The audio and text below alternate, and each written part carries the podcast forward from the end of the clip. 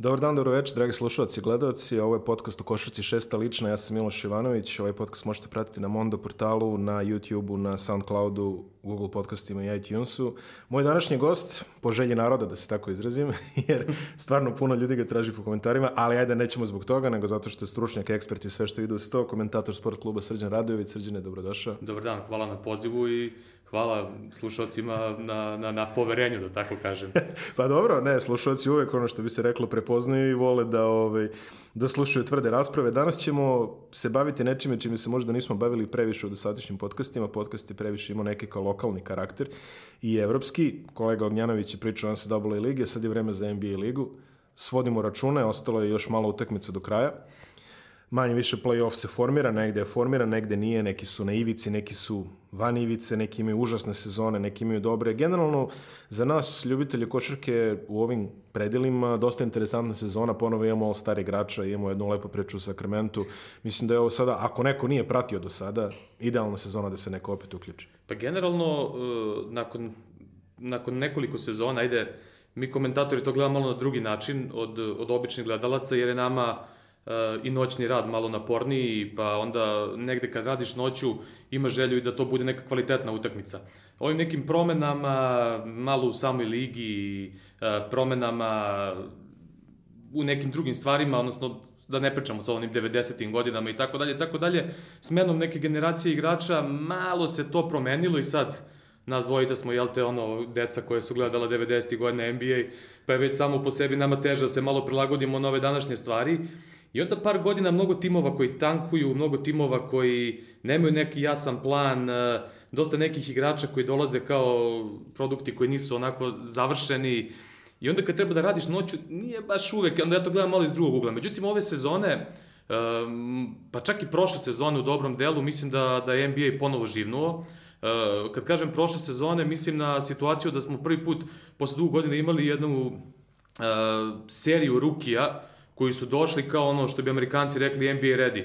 Ovaj, čak neki i brže su se prilagodili, recimo radeći u mom podcastu i radeći najavu, najavnu emisiju eh, pred prenos drafta, eh, ja sam isticao non stop onako Jasona Tatuma kao mog nekog ličnog favorita, za koga sam govorio da verovatno nema šanse da bude prvi pik i nije realno da bude prvi pik, ali da je neki igrač koji se meni sviđa da me podsjeća najviše na one neke stare igrače, ovaj po svojim pokretima i to, ali da će njemu trebati vremena uh, da malo povradi na šutu za tri poena, da dolazi u jednu ekipu koja je napravljena sjajna, da možda neće imati prostora, onda odmah to pokaže. Međutim, kako se otvori sezona, povrede, pap, Eto ti ga Jason Tatum odigra fenomenalnu sezonu. Tako da, dosta nekih rukija koji su bili uticajni, a onda ove sezone imamo situaciju da mnogo timova je konkurentno. Mm. Uh, kako je krenula sezona, ja ono često se šalim zapadna konferencija, ono kao francuska liga ovaj, u košaci, ono, raz, razlike između drugoplasiranog i 14. plasiranog dve pobede. Ovaj, tako i ovde bilo i evo, velika je borba i na istoku se zahuktalo, bit će interesantno, ovaj, s obzirom nekoliko timova se pre svega bori E, za ulaz u play-off i svi su tu na jednu, jednu i po pobedu razlike, a sama borba e, za drugo, treće, četvrto, peto mesto će isto biti vrlo interesantno. Povreda Viktora Ladipa je i tekako zakomplikovala stvari, međutim i pored toga Indiana igra sjajno bez njega, ja sam očekivao da će ih ovaj, Filadelfija i, i Boston zaobići, međutim oni igraju fenomenalno, ali opet s druge strane, ako bacimo pogled na njihov raspored, jedan od težih rasporeda u, ovaj, u ovih preostalih 17-18 utakmica, tako da će tu biti vrlo, vrlo interesantno. E, da krenemo bukvalno redom u našem ono, pretresu lige, što bi se reklo, znači krenut ćemo geografski, ono što nam je najbliže, to je New York nekako. Ove, evo baš na 20-godišnicu njihovog poslednjeg finala. Da. Uh, New York e, već dugi Mada moram ti priznam, mene ono, ono prethodno mnogo više zabolelo. A, naravno, ono prethodno je... A, a ti si za New York bio u tom? Ovaj... Pa ja sam, uh, ja sam od onih tipova koji Nisam se nikad nešto preterano vezivao za neku ekipu, osim za Charlotte Hornece. To sam pričao u nekim brojnim intervjuima. Ja sam stvarno bio veliki fan onih prvih Charlotte, Charlotte da, Hornetsa, da, da. kad su krenuli Lonzo Morning, uh, Larry Johnson, Maxi Box, uh, Del Curry, uh, Kendall Gill, J.R. Reed i tako dalje. David Vessel. Pa, David Vessel je kasnije došao. Jasno, pokojni Bobby Fills. Da, to ona, ona već neka generacija kad su otišli ovaj, Alonzo i i Larry Johnson. I to mi je bilo onako ekipa... Kelly Tripaka, čini mi se da je bio jedan od njihovih prvih. Ma, bilo ih je, da, da bio da. ono i Frank Brikovski e, i šta ti tako. ja znam.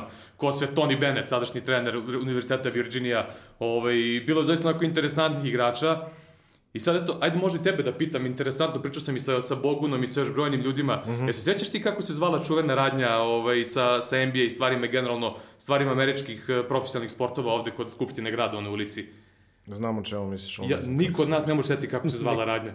I ovaj, ja baš jednom isto kad sam neki intervju... Starter dresovi i one... Se sećaš? Starter dresovi i one lopte što su Magic Sport lopte u bojama. Da, ja da. sam imao Jutinu. Evo da se iskupim kod Edene, imao sam Jutinu loptu. Na ja sam imao, ja mislim, Orlando Magic. E, ta je bila najpopularnija. Da, Bile da. su one Orlando, ona plavo-crna, čini mi da. se, i bile Chicago crveno-crna, to su bila dve najpopularnije. Ja sam bukvalno jurio da kupim loptu koju, koja nije Orlando ili čega. ja sam od nekog to dobio, ja mislim, za rođendan, da, da. ako se dobro sećam, ali znam samo tu radnju, pričam i s mojim drugovima i sa svim i mislim da je Bogun tu negde najbliži. Sad ne mogu setim kako je rekao ovaj, da, da, da misli da se možda zvala. Kolega Bogunović, samo on da. samo da kažemo za... E, a sad ako neko u komentarima, ako se e, seća, eto. bilo bi super da napiše da razrešite u misteriju, jer to je nešto, znači sad ne znam ovi mlađi koliko mogu to uopšte da, da, da zamisle, nama je to bilo sve, mi, mi smo bukvalno svaki dan dolazili ovo, ja i drugari iz osnovne škole dođemo u radnju da gledamo. Sad oni su imali par onih postera u prirodnoj veličini i tu je bio Jerry u dresu Charlotta ja, i ja sam ovako stajao i sve vreme gledao. Jerry je onaj krilni centar što je igra u Parizu. Posle, da, da, da, da, da, da, da. Ove, ali i, bilo je bukvalno, čini mi se,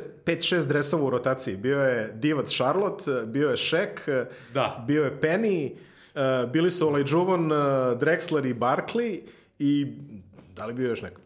Ja smo Jordana pomenuli. Dobro, he, okej, da. okej, ajde, Jordan Pippen, to je ono... Da, to je bilo. Uglavnom, ovaj, znam, mi smo tu dolazili i oni su imali, recimo, te neki grb, ša, grbove su imali isto, kao koji se kače na nek, nekim konopcem na, na zid i to, i ovaj, onda smo drugari ja podelili pare, pa smo, jel te, kupili taj grb Šarlota, pošto je on navio, onda smo jedne nedelje kod njega, druge nedelje kod mene kući. Ovaj... Šetali ste. Da, tako da, Šetali ste Charlotte, ta, taj Charlotte, ja sam imao, čak negde, ne znam, možda čak i nije taj, taj VHS kod mene, Imao sam snimke, ono, screen sport i ono, imao sam tu utakmicu protiv Bostona, čuveni onaj Stebe Alonza Morninga koji je pogodio za, za pobedu kad su skinuli ovaj, onu veliku generaciju Bostona, do duše na zalasku. Ovaj, a to je neki prvi njihov veliki rezultat bio. Ovaj, tako da je Charlotte taj neki tim za koji sam navio ono strasno, strasno. Ovi ostali timovi, nekako sam se vezivao za, ne, za nešto, ono, sad kako smo mi ono tad u to vreme mogli da gledamo po neku utakmicu, treći kanal je puštao, pa je screen sport bio kad se ugasio Screen Sport, to je bila ono patnja mislim onda posle bilo snalaženje DSF, ono, Frank Bushman i ostalo, ali ovaj, uglavnom, kako se zove, e, ta, ta ekipa New York Knicksa je meni bila mnogo dobra, simpatična, uh, zbog načina koji su igali, ono, fajterski, tuča, mm -hmm. i negde, uh, ono što sam i kasnije shvatio kad sam malo, ono, ušao neke godine, ovaj, uh, svu veličinu Petra Rajlija, koji je bio u stanju da igra sa Showtime Lakersima onakvu košarku, da dođe onda u New York Knicks da igra onu fajtersku košarku, a naravno ko nije volao Anthony Masona sa onim frizurama i ono, jel tako? Ja nisam volao New York, ali sam volao Anthony Mason. Ja sam ih volao, tu ekipu sam obožavao. Ali pa s druge strane imao si Vernona Maxwella koji je bio jednako lud. Uh, da, ali nisam ja gledao to, tu, kao tu vrstu ludosti, nego jednostavno ta ekipa mi je bila nešto, ovaj, nešto fenomenalno. Ja sam recimo tu Derika Harpera obožavao. Odličan igrač Derika. I, ovaj, I onda sada to apropo ove priče pravila, promena, ovaj, onaj hand check na perimetru. Ne znam da se svećaš one situacije, ovaj, iz, to, iz te finalne serije, ono Sam Cassell koji je ruki i sad ono krenuo leđa, igra na trojici, a Derek Harper ga gura sve vreme rukom, a ovaj ovako lakto mu sklanja sve vreme ruku. Ove, ovaj, tako da ta serija onako prilično zabolala, gledao sam tu utakmicu, mislim da TV politika prenosila Jeste, finale. upravo si. TV Ove, politika je prenosila Da, i kad se setim samo na što sam ličio sutradan kad sam došao u školu, školu. sam došao direktno, čini mi se. Pa direktno, da, znači Ovaj, I on, ona partija Johna Starksa i... Da, onih 0-10, koliko je već bilo nešto? Ja mislim 0 od 11. 0 od 11, da. Tako nešto, da. Ovaj, tako da baš me onako to pogodilo. Navio sam za njih u toj seriji, generalno u tom play-offu. Ovaj, ali dobro, šta da se radi? I sad recimo eto te neke stvari, recimo sam Magica obožavao, jedan najomiljenijih, kako ne najomiljeniji igrač svih vremena, ali recimo onako nešto retroaktivno kad sam gledao neke utakmice, pošto sam bio klinac tada, jel, nije mogli moglo da se gleda to, nekako sam više simpatisao ove Boston Celticse ne, nego, nego Lakers. Tako da, bile su te neke ere ono, simpatisanja timova, međutim, ovaj, ono, Charlotte jedini onako pravi bio u, u tom periodu. Da se vratimo na New York, e. Anno Domini 2019. Znači, on je već dugi niz godina nemaju neki pravac, nemaju neki cilj.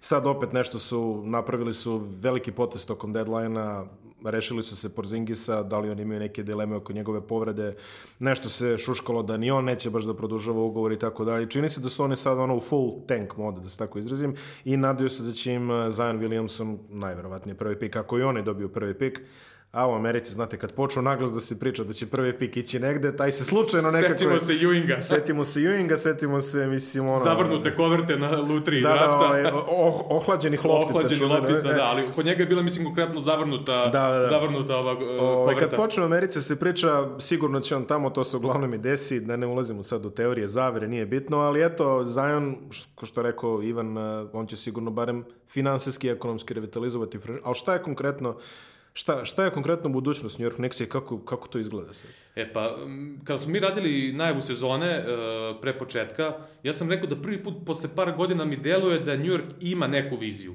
Neku viziju. Kakva god to da je vizija, kuda će to sve da ide sa kasnije onim oslobođenim salary capom i potpisivanjem ovih max ugovora, ovaj, potencijalnim biranjem eventualno prvog, drugog, trećeg pika na draftu, vidjet ćemo ovaj, da, to, da je to neki put da se vidi da, da je neki plan. Uh, potpisani su neki igrači, ako se vratimo na leto, sad dosta je i prošlo, pa ću probati setim iz glave, oni su potpisali neko igra, nekoliko igrača koji su bili loteri pikovi. Uh, Hezonja, uh, podsjeti me ko još Noah Vonle je bio, da ne znam da li je bio beše loteri pik, potpisano je uh, Emmanuel Mudiay, sad su doveli u ovom tradu Denisa Smitha juniora, uh, birali su na, na, na draftu su dobro birali, uh, Mitchell Robinson je ono igrač koji ima onako čudan put, jer je on ono odlazio na koleđ, birao je neki ono program prilično čudan, pa onda odustao, pa su ga ubedili da se vrati, pa se vratio na jedan dan, pa opet odustao, pobegu iz kampusa i rešio se priprema za NBA. Međutim, momak sa brutalnim fizičkim predispozicijama, uh, koji potencijalno može biti najbolji blokera u narednom periodu ovaj, svoje karijere, evo već je krenuo sad u ovoj fazi sezone to da radi, ovaj, već i dobio neke ono nadimke, Blockness Monster ili tako nešto. Loknes. Da, ovaj, i tako da, e, Alonzo Trier je potpisan koji, ja sam ga prenosio na Nike Hoop Summitu i on je bio jedan od najvećih onako potencijala tu, kasnije ono malo na Arizoni su tu bili neki problemi, tamo vamo, sad i on malo više voli da igra izolacije i ostalo, pa se možda nekome ne sviđa, sviđa kako god. Sve u svemu, New York je nešto sk- skockao, nešto je skockao, neku osnovu imaju, meni se ta osnova dopala, ovaj, onako u samoj ideji, e kako će to izgleda sad u budućnosti, koga će oni da potpišu, da li će da jure Durenta, da li će uspeti njega da potpišu, da li će to biti još neko to, e, da bi znali kakav će njihov dalji kurs da bude, morat ćemo da sačekamo leto. I prvo draft i onda sve to sa potpisivanjem e, slobodnih agenata. Da li će ovaj, ubosti Zajona ili ne, ovaj, to, je, to je pravo pitanje, ali definitivno, evo, kad je Zajan u pitanju, uh, krenule su statistike, mislim, meni malo to sad smešno, ovaj, odmah su krenuli, Duke, mislim, nije toliko dominantan kako su, kako su mnogi očekivali i sad i, i sa kompletnim sastavom su se neke utakmice izvukli ove godine i sad gledam statistiku, ono ide onaj preview utakmice, pre neko veče gledam ovaj, studija i sad kao samo jedan poraz kao sa kompletnim timom, a to su sa kompletnim timom par puta dobili na, na, ovaj, na jednu loptu uz mnogo sreće i tako dalje, to nema veze. U svakom slučaju, e, i da ne bude Zion, e, ima tu dosta nekih talentovanih igrača, neki igrač koji je onako malo zaludeo Ameriku sa mid-major programa je Ja Morant, koji je ono strašan play, fizičke predispozicije, atletske Pa ne predispozicije. treba valjda još jedan play, ono, mislim. Pa to da, no, u sve njima ne treba, ali će nekome sigurno doći. Elem, Zion, uh, kako, će, kako će izgledati njegova karijera, njegovo telo? Ja sam imao prilike njega da vidim uživo, uh, u Trevizu na, na onom Adidas Eurokampu pre dva leta i nije mi palo na pamet da, da se slikam sa njim. ono, razmišljao sam, nisam tip koji, koji se ono često slika sa, sa, sa sportistima i to, ali ono, razmišljam posle, što se nisam slikao sa Zajanom, ovaj, kad će biti, ja sam tu snimio jednog ovog Dariusa Garlanda, koji je odebaro Vanderbilt ove godine, ali se povredio, nažalost, taj mali mi se mnogo, mnogo dopao, čak sam i na Twitteru nešto pominjao, ovaj, da, da ono, zapamtite to ime, kao ona. Ovaj, tako da Zion izgleda, znači, evo, mi smo malo korpulentniji, jel te? Da, da, da. Znači, evo, ja smešno izgledam pored Zajana, on je bukvalno, on nije igrao zbog povrede tamo, ovaj, na, na, u Trevizu, tako da nisam imao priliku da gledam kako igra, ali stajao sam, prošao je pored mene, znači čovek je ono, leteći kiosk, bukvalno, no, neviđeno. Ja ne znam kako, kako on, one kolana će da, da, da, da, da trpe tu, tu mo- masu. Moderna medicina. čujem. Da. Tako da, ovaj, New York eh, čeka ih burno leto, po mom mišljenju delovalo da neki plan imaju prethodnog leta i da to ide u nekom zdravom smeru. James Dolan se nešto ne oglašava, ne pojavljuje se, čim se on ne oglašava i ne pojavljuje, samim tim verovatno je veća šansa da, da ide neka zdravija priča. Uh, narednih pet mesta na tabeli su sve ono što bi se reklo stare koske za nas, ovi stare ljubitelji NBA, znači imamo tu Cleveland koji je u svojoj prvoj post-operativnoj sezoni, da je tako izrazim, čini mi se da ne idu nigde, da imaju Kevina Lava koji meni se čini koliko ja procenjujem Kevina Lava kao karakter, da on jedva dočekao da bude ovaj lider u ekipi koja neće imati Lebrona i da on igra svoje, da odrađuje svoj, lepo svoj ugovor, ali generalno ne dole kao neka pretredno perspektivna ekipa. Chicago koji u Rasulu već, ono čini mi se par godina, imaju možda najkonfliktniji front office u ligi, otprilike ljudi koji, da. ljudi koji stvarno otprilike ono, tradeaju te pa te jave telefonom dva dana posle. Ono, tako, tako pa, na kraju krajeva i Tom Thibodeau je napustio zbog tih nekih nesuglasica. Jest. Mislim, sve to počelo ovaj, kad su otpustili Rona Adamsa, sada ovog pomoćnika već par godina u Golden State-u, čoveka koji je uh, na neki način, mnogi kažu, iza Steve'a Kera napravio ovaj, ovaj Golden State, posebno njihovu odbranu i tada je Tom Thibodeau poludeo kada su njega, ono, nisu ga produžili iz nekog svog hira, iz ne, nečeg čudno, svog. Čudno rade, zaista da, mislim, i, čudno rade. I, I od tada je sve puklo u Chicago, onda su krenuli nizbrdo, videli smo šta se sve izdešavalo, mm, evo i sada, ovo sa Jimom Boylanom, ono, kao neke nesuglasice sa igračima, treninzi, u 6-7 ujutro, znaš, ono... Kazneni. Da, i tako dalje, malo tipično, jel da, za NBA. Ovo, ovaj, i tako da, m, mm, čudna, čudna priča, ali i oni imaju uh, talentovan ovaj, mladi nukleus tima, tako da nije ni nemoguće u nekim narednim godinama i to krene u nekim, ka nekim zdravim tokovima. E, imamo, znači, Cleveland smo samo kratko rekli, mislim da ne treba ništa previše pričati o njima ove sezone. Da, prilično su, ono, depresivo la korunja, što bi rekli. Non-deskriptni. Imamo ovaj, Washington Wizards koji su se uvalili u jednu simpatičnu ugovornu situaciju sa Johnom Wallom, koji plaćat će ga sad ono do sudnjega dana, otprilike on je e, ispostavilo se da fizički ne može baš da odgovori zahtevima tog ugovora. Bradley bile to još uvek do duše, on čini mi se da će ostati, da, da željan da ostane. Sad na All-Star vikendu bilo je, kaže, seća se, čitao sam nije spijano, kaže, pričao sam sa svakim.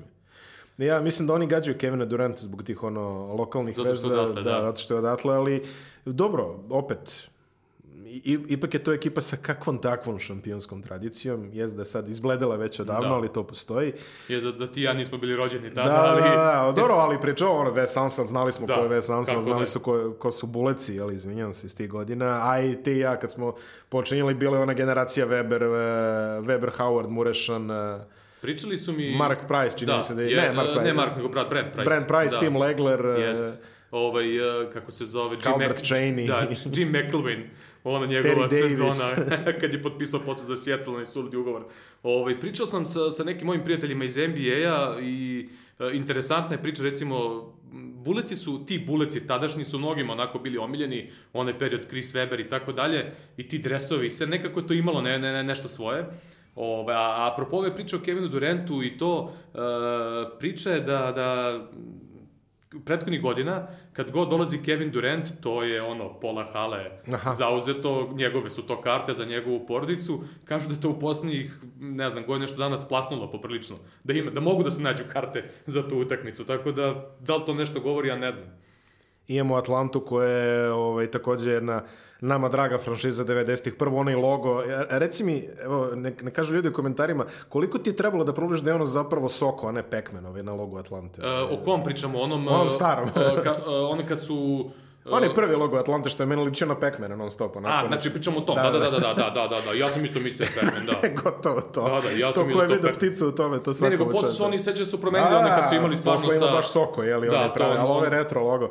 Ono kad su, kad su, kad su igrali Dominic Wilkins i mislim da, da, ta ekipa, ali ove, sad imaju izuzetnog mladog talenta u Trey Youngu, neki ga projektuju već u sledećeg Stefa Karija, rekao da se smirimo, ali dobro, dečko generalno igra jako dobro, eto ima pa, neke perspektive. Ne, nešto najbliže Stefu Kariju, bez ikakve dileme, to je bio i na, i na ovaj koleđu, ja sam ga gledao prošle godine mnogo puta, Uh, jeste da nekim momentima zna malo i da pretera, ali nekako moje mišljenje je tad bilo da možda zbog činjenica da nije imao neko okruženje, pa je morao da forsira samo u nekim momentima. Uh, Ovaj, ali prvi u istoriji koji je bio najbolji strelac, najbolji asistent u istoj sezoni, tako da ipak je to pokazatelj, evo i sad on ima neke utakmice, on 35 poena, pa tipa 90 asistencija, uh, ima i double-doublove neke vezane, ako se ne varam, tako da ovaj, on je talentovan. Malo kubori s izgubljenim loptama, ali dobro, mlad play, jel? Da, da, pa to očekiv... baš ne, nekoliko ljudi me pitalo pre početka sezone šta očekuješ, ali može on te brojke. Ja sam rekao, verovatno će imati on neku dobru statistiku u smislu ono broj poena, asistencije i to, uz verovatno nešto lošije možda procente šuta, izgubljene lopte i tako dalje, dok se malo privikne, dok se aklimatizuje, ali definitivno jeste nešto najbliže Stefu Kariju. Imamo tvoje voljene Charlotte Hornece, koji su isto negde na ničoj zemlji. Na ničoj zemlji, bukvalno, da. On to je ono, što bi rekli stručnici, najgore mesto u NBA. Da, Deveto, da. deseto, nici playoff, nici loteri, mislim, jesi loteri, ali visoki. Da. Ko, koji da nisi, drugim rečima. Uh, samo da se na sekund vratim na Atlantu, ovaj, uh, mnogo mi bolje izgleda nego što sam očekivao ove sezone. A, to se slažem. Da, mnogo bolje izgleda nego što sam očekivao, ovaj, i pokupili su oni nekoliko interesantnih uh, igrača, ovog Kevina Hertera, koji je onako sjajno igrao na Marylandu prošle godine, Omari Spellman, tako dalje, on je duše povređen sad, i, ovaj, i ja sam očekivao da će to biti neka depresija za gledanje, međutim, nisu loši ove godine. Što Charlotte tiče, Nije to onaj stari Charlotte više. ne, ne, ja od kako sam čuo da je ono Jordan i ovaj, u naletu ludela nudio valjda, da su mu nudili četiri pike ili tako nešto, kako beše bila ona stvar za, za Kaminskog. A, i evo ga Frank sad poče da igra. Poče da igra, da, ali dobro, Nije. mislim, u tom momentu sam rekao, čekaj čoveče. ne, e, dosta neki priča Kaminski, Batum, e, ko se sve ono pominjao kao potencijalni e, igrač za trade, međutim na kraju se nije to, toga ništa ni desilo, ali neka ekipa, ono, bukvalno dobro si rekao, na ničoj teritoriji balansiraju u svakom smislu i nešto mi se ne dopada ovaj, kako to izgleda ove godine. Ali čini mi se da su komercijalno isplativiji nego stari Horneci koji su raseljavali, selili, doseljavali, bobketizovali da, i tako da. da. Mislim, sad da. barem čini mi se da su na stabilnom ono... To jeste, to jeste. Vratili su neki svoj identitet, vratili su ove stare dresove. Ovaj, trudio sam se ja čak, zahvaljujući tim dresovima i parketu, da probam da ono kao malo navijam za njih, međutim, ovaj, nešto mi baš nije išlo ove godine u tom segmentu. Na onome što se kaže ovaj, bubble, na bablu ovaj, istočne konferencije, to je poslednje mesto za playoff, ljuta borba između komšiluka sa Floride, znači imamo Miami Heat gde je Pet Rileyeva kultura opstaje uprkos uh, rosteru koji ja bih rekao ispod prosečno talentovan za ovu sezonu. Ja prevodio sam jednom jedan tekst ovaj, o Rodniju Megruderu koji je pre tre godine igrao prvu mađarsku pa ligu. Pa, da. I sad je otprilike... Meni jedna, ono... jedna jača priča o njegove Alfonso Mekini koji je igrao u, u ovom Lichtensteinu. I sad njegova, Lichtenstein ili Luksemburg, šta je beše, sad, sad, sad stade mi mozak. Mislim da će bude Luksemburg. Čak ima, uh, ima slika njegova, negde, negde imam to na telefonu, probaću posle da nađem ti pokažem, ovaj, nekome sam slao, znači ta slika izgleda njegove ekipe u kojoj on igra, to, to je nerealno. Znači, to deluje kao radničke sportske igre, otprilike, pa, da sad nikog da. ne uvredim, ali ne, ne deluje kao neka ozbiljna ekipa. I onda taj momak prošao na isti put kao Jonathan Simons, plaća participaciju za one treninge za G ligu, da upadne ne, u neki ovaj, trening kamp i tako dalje tako dalje. I evo ga u nekim momentima starter uh, u ekipi Golden State Warriorsa, Dakle, ono... Isto kome Gruder koji je otprilike uspio da se ugura na garantovani ugovor, evo sad će potpisati nešto lepo, ja mislim da će on čak jesti u Majamiju. A s druge strane imamo Orlando Magic kojim Vučević igra jednu nerealnu sezonu, no. zasluženi All-Star. Znači, tu će biti neka borba. Kome ti daješ prednost u ovom momentu? Evo, mislim da su obe trenutno, da. Uh, Miami je 30-34, od, zaključno sa ovaj, 7. martom, a Orlando čini se 30-36. Znači, dve utakmice su tu. To je, kako se to roče, dve polovine, to je jedno. Da, da, da. Ove, uh, znaš kako, ja Miami vrlo simpatišem zbog Peta Rajlija, baš iz ovog razloga što sam malo čas pomenuo kada smo pričali o Nixima iz 90-ih. Ovaj, uh, I generalno Miami ima tu kulturu koju, za koju ste baš rekao, ta, ta reč kultura. Uh, nisu se raspali nakon odlaska Lebrona, nisu se raspali nakon odlaska Vejda, nisu se raspali nakon svega što desilo sa zdravstvenim stanjem Krisa Boša, nijednom trenutku nisu pokušali da tankuju, nijednom trenutku nisu dozvolili Lebronu da radi ono što mnogi tvrde da radi u drugim klubovima, znači on, ako se setimo onog početka, nije baš ono, seća se onaj bodiček na Erika Spolstru i tako dalje, ovaj, nije uspeo da, da, da istera tu neku priču, ovaj, tako da uh, Miami kada, kada pravi sastav za letnju ligu, to ne pravi slučajno. Znači, to, to je već nešto je projektovano, znači, po onome što njihov sistem, oni probaju. Ja gledam te letnje lige non stop, Ovaj, I ja sam ljubitelj. Da, ja ono, gledam to, to čak nekad više volim da gledam i od, od NBA. I, ovaj, I onda ti vidiš taj Miami u letnjoj ligi da igra, sad nije bitno da li nešto tu osvoje, pobedno su igrali u Orlandu na onoj letnjoj ligi, njihova ekipa igra tu košarku koju igra i znači to je, vidi se neki fajterski duh, znači oni za to biraju, e, biraju igrače onako specifične, Ovaj, tako da sa te strane ja njih simpatišem, posebno što se nisu prodali, predali, tankovali, e, ne znam šta god da rade, nego jednostavno igraju. Prošle godine su dohvatili ovaj, play-off, povrede im napraviš ozbiljan problem i ove godine. Ovaj, tako da u ovoj situaciji stvarno ne znam. Orlando mi isto simpatičan, e, posebno zbog Nikole. Nikola je, ono, da kažemo, ono, jedan od poslednjih mohikanaca, ono, starih igrača koji ne igraju na, na neke sad atletske predispozicije. On je baš onako specifičan uh, pričao sam sa brojnim ljudima na tu temu. E, svi trče u sprintu, on trči polako. Svi trče polako, on je u sprintu, svi su gore, on je dole, svi su dole, on je gore. I uvek je u tom nekom kontraritmu i toliko pametno igra i meni je toliko zadovoljstvo da, da gledam kako on igra, ovaj, kakav je dodavač i sve ostalo. Ovaj, tako da, e, ove godine Steve Clifford se vratio u Orlando, on je bio pomoćni trener ovaj, Stenu Van Gundy u onoj generaciji koja je 2009. došla do, do, do finala I mislim da je nešto uspeo da konačno sredi, da to ponovo liči na nešto. Oni su tu negde lutali, dovodili brojne talentovane igrače, ali mahom atlete, lutali su s trenerima, pokušavali, ovaj, sad to već liči na nešto i iskreno da ti budem, stvarno ne znam šta bi volao u ovoj situaciji, ali jedni i drugi su mi onako simpatični i dragi. Ko upadne, upadne u, u taj play-off, ovaj, žao, žao, žao bi mi bilo da neko, ako mogu jedni i drugi, bilo bi fenomenalno, zaista. Ja sad ne znam, ta povreda Dragića i ovo ovaj, je baš uticala na, na ekipu Majamija. Posle imamo dva, po meni, iznenađenja, jedno malo očekivanije, Detroit, koji je pre nekoliko godina bio već ono otpisana ekipa, onda naprave taj trade za Blake Griffina, preporode se ajde, preporode se do mene da će dođu u play-off, ali opet to je napredak. I imamo Brooklyn Netse, koji su ovako, ja bih rekao, jedno sezonu dve ispred, svog, ispred svoje petaljetke. Ja bih krenuo od Brooklyna. Ovaj, jer ove dve, tri godine prenoseći, imali smo dosta njih puta u prenosima, i ovaj, stalno sam naglašavao od svih ovih loših timova, to je tim koji najviše volim da gledam. Jer se vidi da nešto rade. Znači, njihova situacija nije bila ni malo laka Uh, Billy King, ono što je uradio, one sve tradeove sa Bostonom, gde je dao serije pikova, uh, koji su posle završili, jel te, kao izuzetno visoki pikovi na draftu, uh, da bi doveo Garneta, Pirsa u ono vreme, da se napravi onaj tim, uh, to zaista nije bilo lako srediti. I ta situacija me podsjeća na ono, ne znam da si gledao Draft Day, onaj film. Nisam. Uh, film je o NFL-u, nije istinita priča, ali onako prilično dobro prikazan proces drafta, verujem da su, da, da, da su slušalci gledali.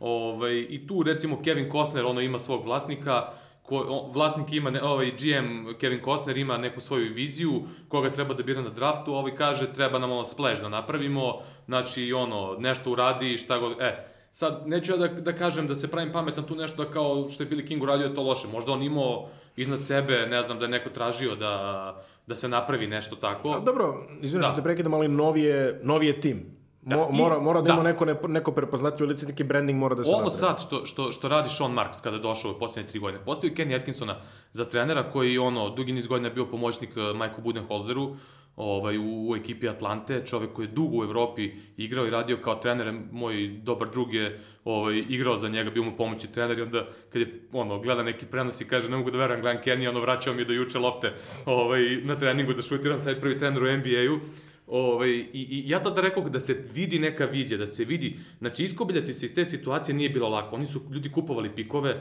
da bi doveli nešto mlado, da bi nešto, nešto potpisivali su neke igrače, morali su na silu nešto da potpišu, da bi nešto uh, prepravili, sredili. I oni su to radili planski.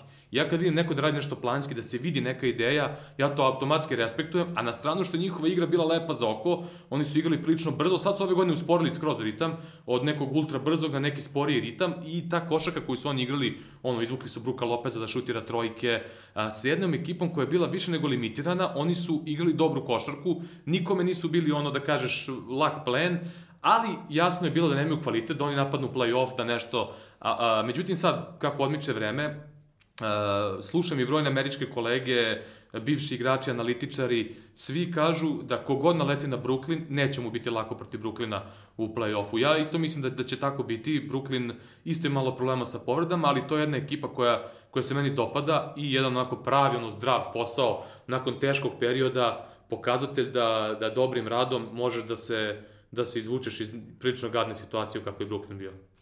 Imamo sada Detroit koji smo spominjali, tu se isto izvlači neki koncept, ono, ali njima je baš bila frka, čini mi se, to što ti kažeš da se napravi splash, znači oni su to rešili dovođenjem da. Blake Griffina koji evo izdržava još uvek ono.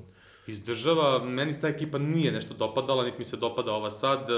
Verovao sam da će Stan Van Gundy da nešto to uradi u prethodnom periodu, nije uspeo, osim onog jednog play-offa gde su naleteli na, na ekipu Clevelanda. E, dosta nekih problema sa nekim mlađim igračima koji nisu možda napredovali kako se očekivalo pre svih Stanley Johnson, Stanley Johnson da. koji one godine kad su ušli u playoff, sećaš se sa Lebronom, vodio ratove i to je delovalo da onako, eto, malo duha bad boysa, da se nešto vraća, kreću.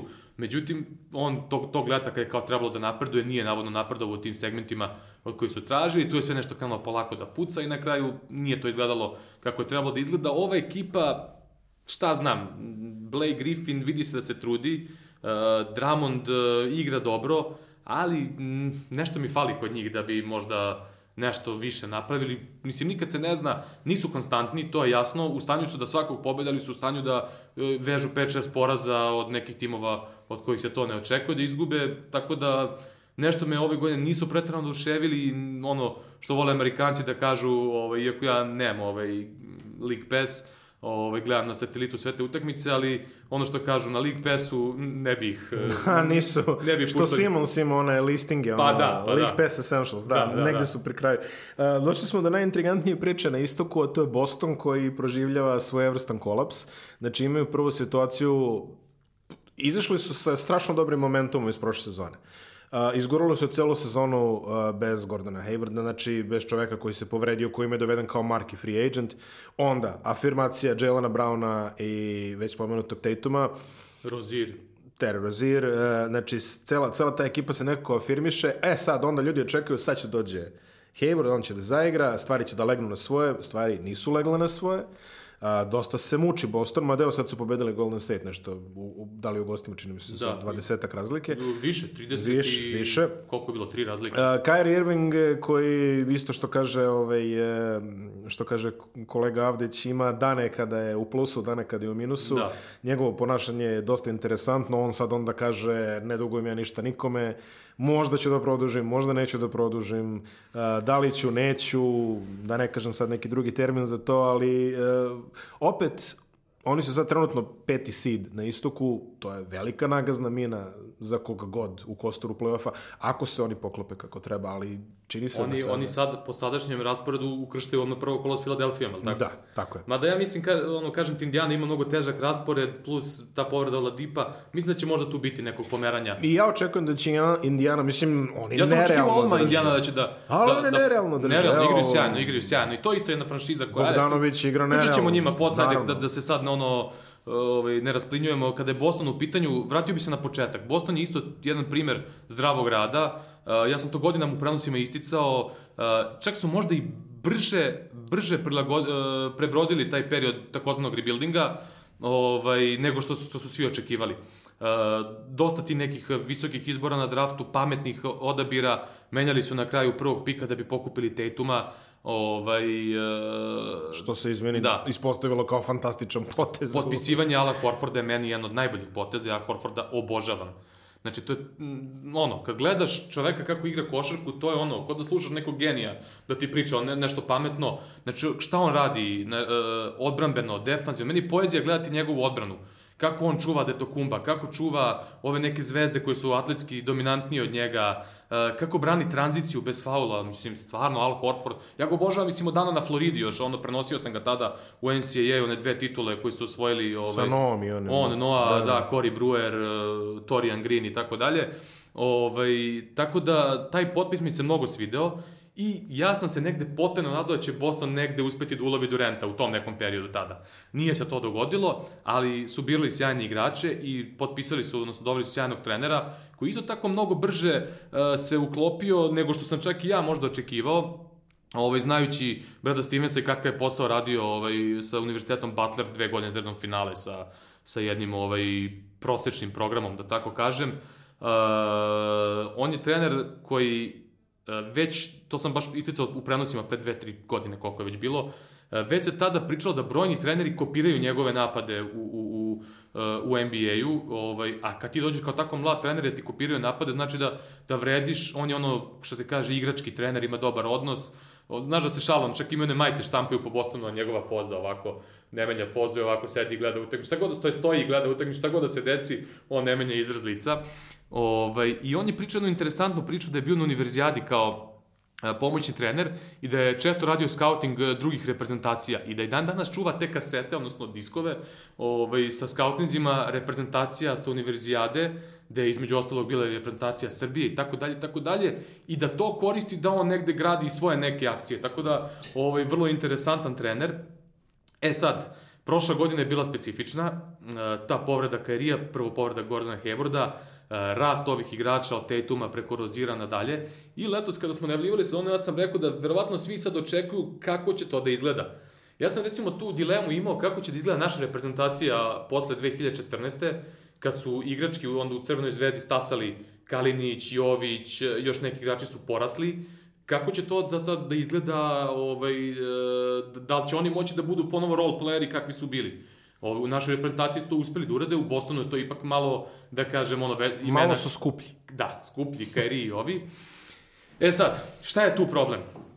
To niko od nas ne zna, jel? Očigledno da su neki odnosi narušeni, non stop neke one, neka kačenja na klupi, ono, vidio si Marcus Morris, te ono, nešto nije mu jasno, cima igrače, ajmo, borite se, pa onda vidiš neke situacije da ne igraju odbranu od jedne ekipe koja je super disciplinovana do toga da ono stoje svi gledaju kako im neko daje koš. Uh, karijeve izjave, te koje si ti pomenuo, ostajem, pa ne ostajem, pa ću da vidim, pa ovo, pa ono. Šta ti misliš, ko je tu problem? Kari problem? Pa meni je bilo ovaj, indikativno dosta kad je Kairi u sred sezone zvao Lebrona da mu se izvini. To sam teo ti kažem. To mi je bilo ovako. Pa onda, pa onda kao igrači neki misle da vrede mnogo nego, više nego što vrede. Pa, pa ima i toga. Pa onda sama izjava da, da u ekipi u kojoj su svi u fazonu Boston, tradicija, kultura, sve ovo, gradimo nešto i onda dođe Kairi i kaže, ja to ne dugujem ništa nikome. Ja. bukvalno čovek na koga su ovaj, zasnovali ovaj moderni deo franšize. Međutim, ja mislim, po meni, e, ključna je tu priča, ovaj, pošto su kako je to opet, opet ćete se jedina hobotnica San Antonija izvršila sabotažu trejda Antonija Davisa u Lakers-e. Ja mislim da je sad tu, oni imaju dobru priču da ako zadrže Kairija, pa Kairi sad tu nešto da pičuje Davisu, pa on, a koliko sam čuo, Boston bi se rado odrekao i Tatuma i Browna i šta god treba da se da. Ali opet, e, čud, čudna ekipa. Meni se, meni se čini da neki igrači ne zapinju koliko bi definitivno mogli da zapinju. Recimo Hayward koji u poslednjih, ono, ne znam, od ove sezone ne valjda poznati kao ono e-sports igrač nego košarkaš. Ono, bukvalno ima onaj klip kad ga žena odvaja od, ove, od kompjutera jer igra League of no. Da. Legends ili šta već. E, ne deluje mi kao da je ono, mislim, glupo je reći, to je all-star igrač, jel? Ali dobro. U najavi, ali opet... A opet, s druge strane, imaš neke one pokazatelje gde vidiš da se bodre, da skaču. Pa, sve, de, sve ekipa to skače nešto... na njega, sad protiv Sakramenta kada je dao za pobedu, ekipa skače na njega, ono, polivaju ga. Nekako meni to pokazatelj da, da je tu neki loš odnos. Verovatno ne bi to, to tako ali funkcionisalo. Ali pokupili su od Kairija, bukvalno taj da. neki fazon. Znači, imaju plus minus faze, bukvalno su koje KG otprilike. Pa sad, kažem, pokušam negde ja da, da to nešto razlučim, da sam zaključim, bez neke ono informacije da imam nešto šta se dešava Ovaj, ranije dok je Kari još bio u, u Clevelandu, ono, pre povratka Lebrona, pričao sam sa mnogo ljudi iz NBA-a i nikad niko ništa nije konkretno teo da kaže, svi su, mislim, kako ćeš da kažeš protiv Karija koji je ono, vrhunski igrač, majstor i sve to, sad ti da kažeš nešto loše, to ono, nisu popularna mišljenja.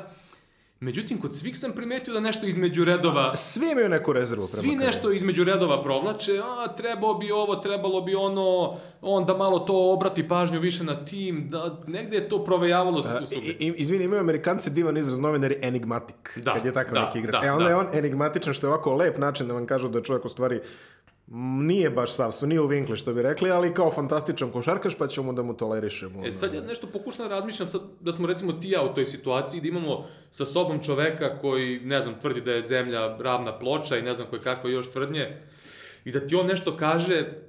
Da li će ga ući zozbiljno?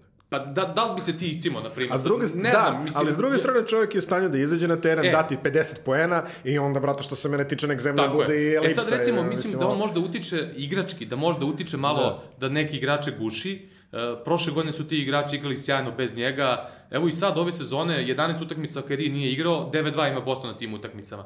Međutim, i pored svih tih statistika i pored toga što neki igrači ne mogu da igraju tako kako su igrali dok on nije bio tu, e, prošle godine se jasno videlo da ako hoće nešto da naprave više, da im je Kyrie falio u, tim, u toj seriji sa, sa Clevelandom da, da zatvore sedmu utakmicu i da odu. Čak i u, me, u serijama sa Milwaukeeom i sa Filadelfijom, meni je sve vreme negde delovalo fali Kyrie za taj završni ono, ono ali fa, fali final ti, touch. Ali fali ti pravi Kairi. Pravi, da.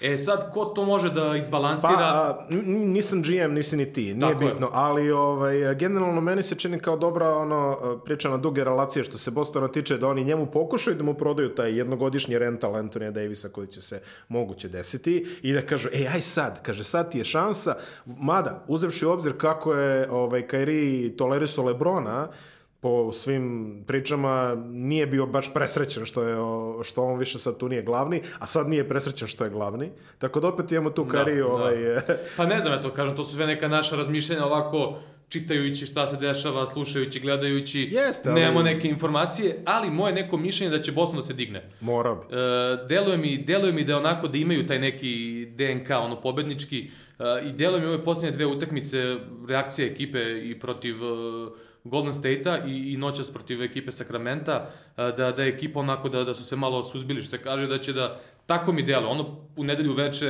bilo sramno u nekim momentima protiv ekipe Houstona, tačno se videlo nešto ne funkcioniše, međutim, deluje mi sad da je to, da je tu neki odgovor, da su neku reakciju imali, ja negde verujem da će Boston da, da, da, da se podigne, jer to je tim koji me, za, po mom mišljenju, možda igra neku košarku koja se meni najviše sviđa. Na stranu Golden State, koji su ono planeta za sebe, ovaj, e, to što igra ekipa Boston Celticsa, ja, ja volim da gledam.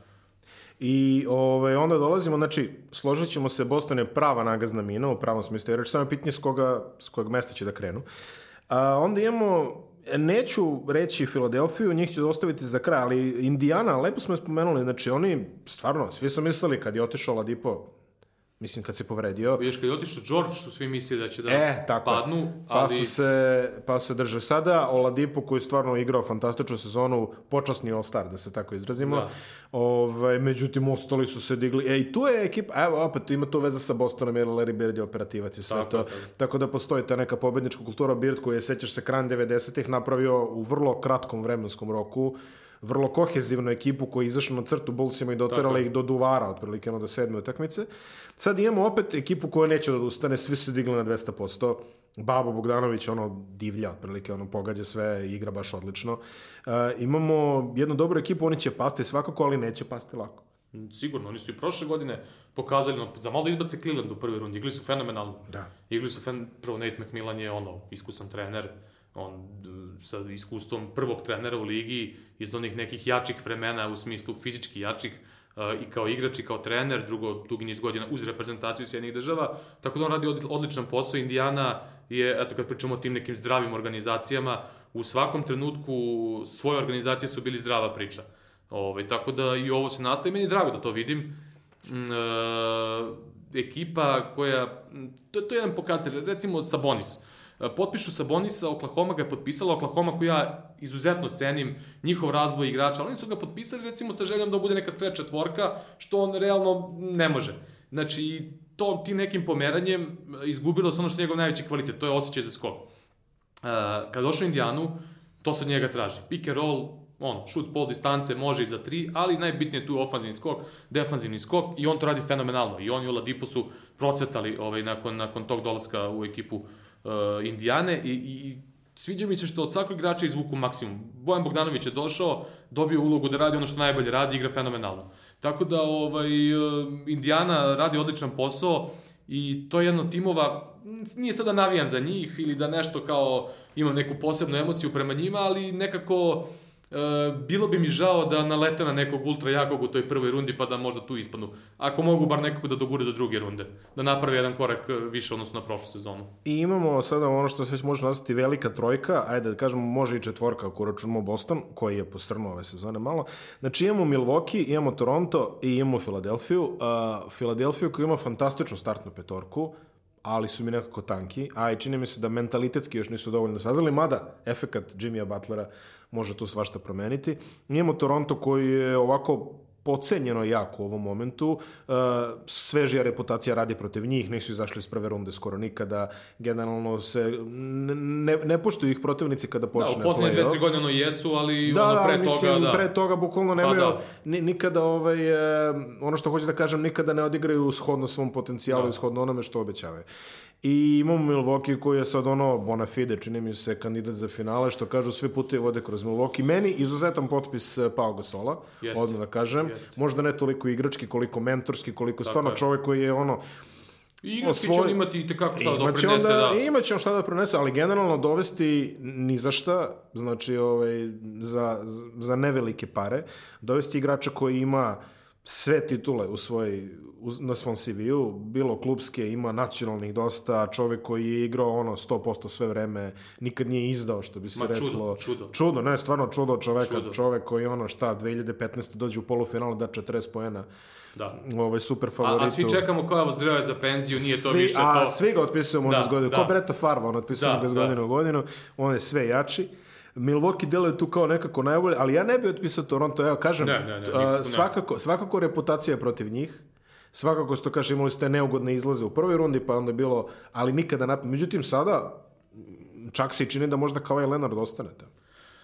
E, hoćemo od Milwaukee da krenemo. Može, krenemo od ozgo. Milwaukee je meni tim koji je napravio takav zaokret, ovaj, ja im se divim ono što kažu do Do imbecilnosti. Uh, jednu ekipu koja ono, kako mi ovde volimo kod nas da kažemo, od jedne kamenjarske ekipe, uh, napraviti ekipu koja ove godine po ofanzivnom rejtingu, sad nisam gledao u poslednjih par dana statistike, ali su dugo bili prvi tim po ofanzivnom rejtingu, onom broju poena na 100 poseda, prilagođenom broju poseda, tim koji igra u najbržem ritmu, ili tu dva najbrža ritma, uh, tim koji ofanzivni skok ima, koji je, je u pet najboljih odbrana, Uh, koji šutira za tri poena fenomenalno od one ekipe gde je šut bio najveći problem kad ti uzmeš Janisa, Jabari Parkera, Erika Bledsoe ranijih sezona, gde je samo Chris Middleton bio neki konstantni šuter, do toga da ove godine ljudi ono, šutiraju trojke nenormalno, da su naj, najbolji, mislim da su i dalje naj, najbolji po procentu ove šuta za 3 poena, da a, njihova igra je tu, a, procenat šuteva za 3 poena u odnosu na ostatak napada koji imaju, takođe ono su tu dominantni u ligi, ovaj, da toliko promeniš DNK jedne ekipe za tako kratko vreme, to uopšte nije lako.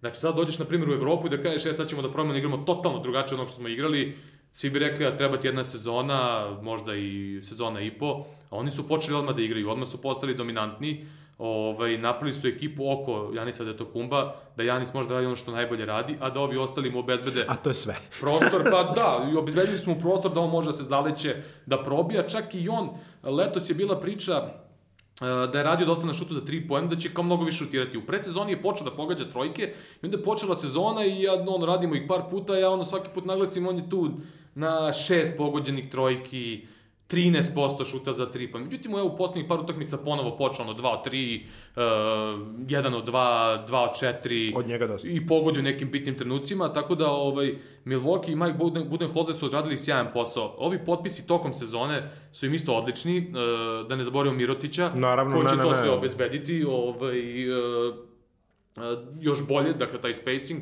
to Gasol može da obezbedi, Gasol može da donese ovaj, to unutrašnje, unutrašnju igru i, i šut za 3 poena, skok, vidjet ćemo kolika će biti njegova uloga zapravo, ali ovako u osnovi jedna ekipa koja zaista... Nek sedi na klupi da ga vidim, samo sa Da. parketa meni dosta. Ovaj, tako da Milwaukee ove godine zaista deluje fenomenalno. Mike Budenholzer kada je letos ovaj, došao u ekipu Mil- Milwaukee-a, odmah je neki igrače rasporedio ono, tipa, ajde, John Hanson više ono nije tu, da tako kažem, ali recimo on je čovjek koji nikad nije šutirao tri pojena. On njemu rekao, slušaj, ti će da stojiš u korneru i celo leto vežbaj trojke iz kornera. I on čovjek došao i on, nabiflao šut za tri pojena iz kornera koliko toliko. Znači nije to sad on neki da ono vrhunski šuter, ali ono što njima treba za ekipu, on je to uvežbao. Tako da je to jedan pokazatelj da kad nešto planski radiš i kad nešto hoćeš, da sve možeš da uvežbaš. Ove, I tako je to, jedan veliki respekt za, za, za ekipu Milwaukee ove godine. Šta smo rekli? To, to, to Toronto bi bio sledeći.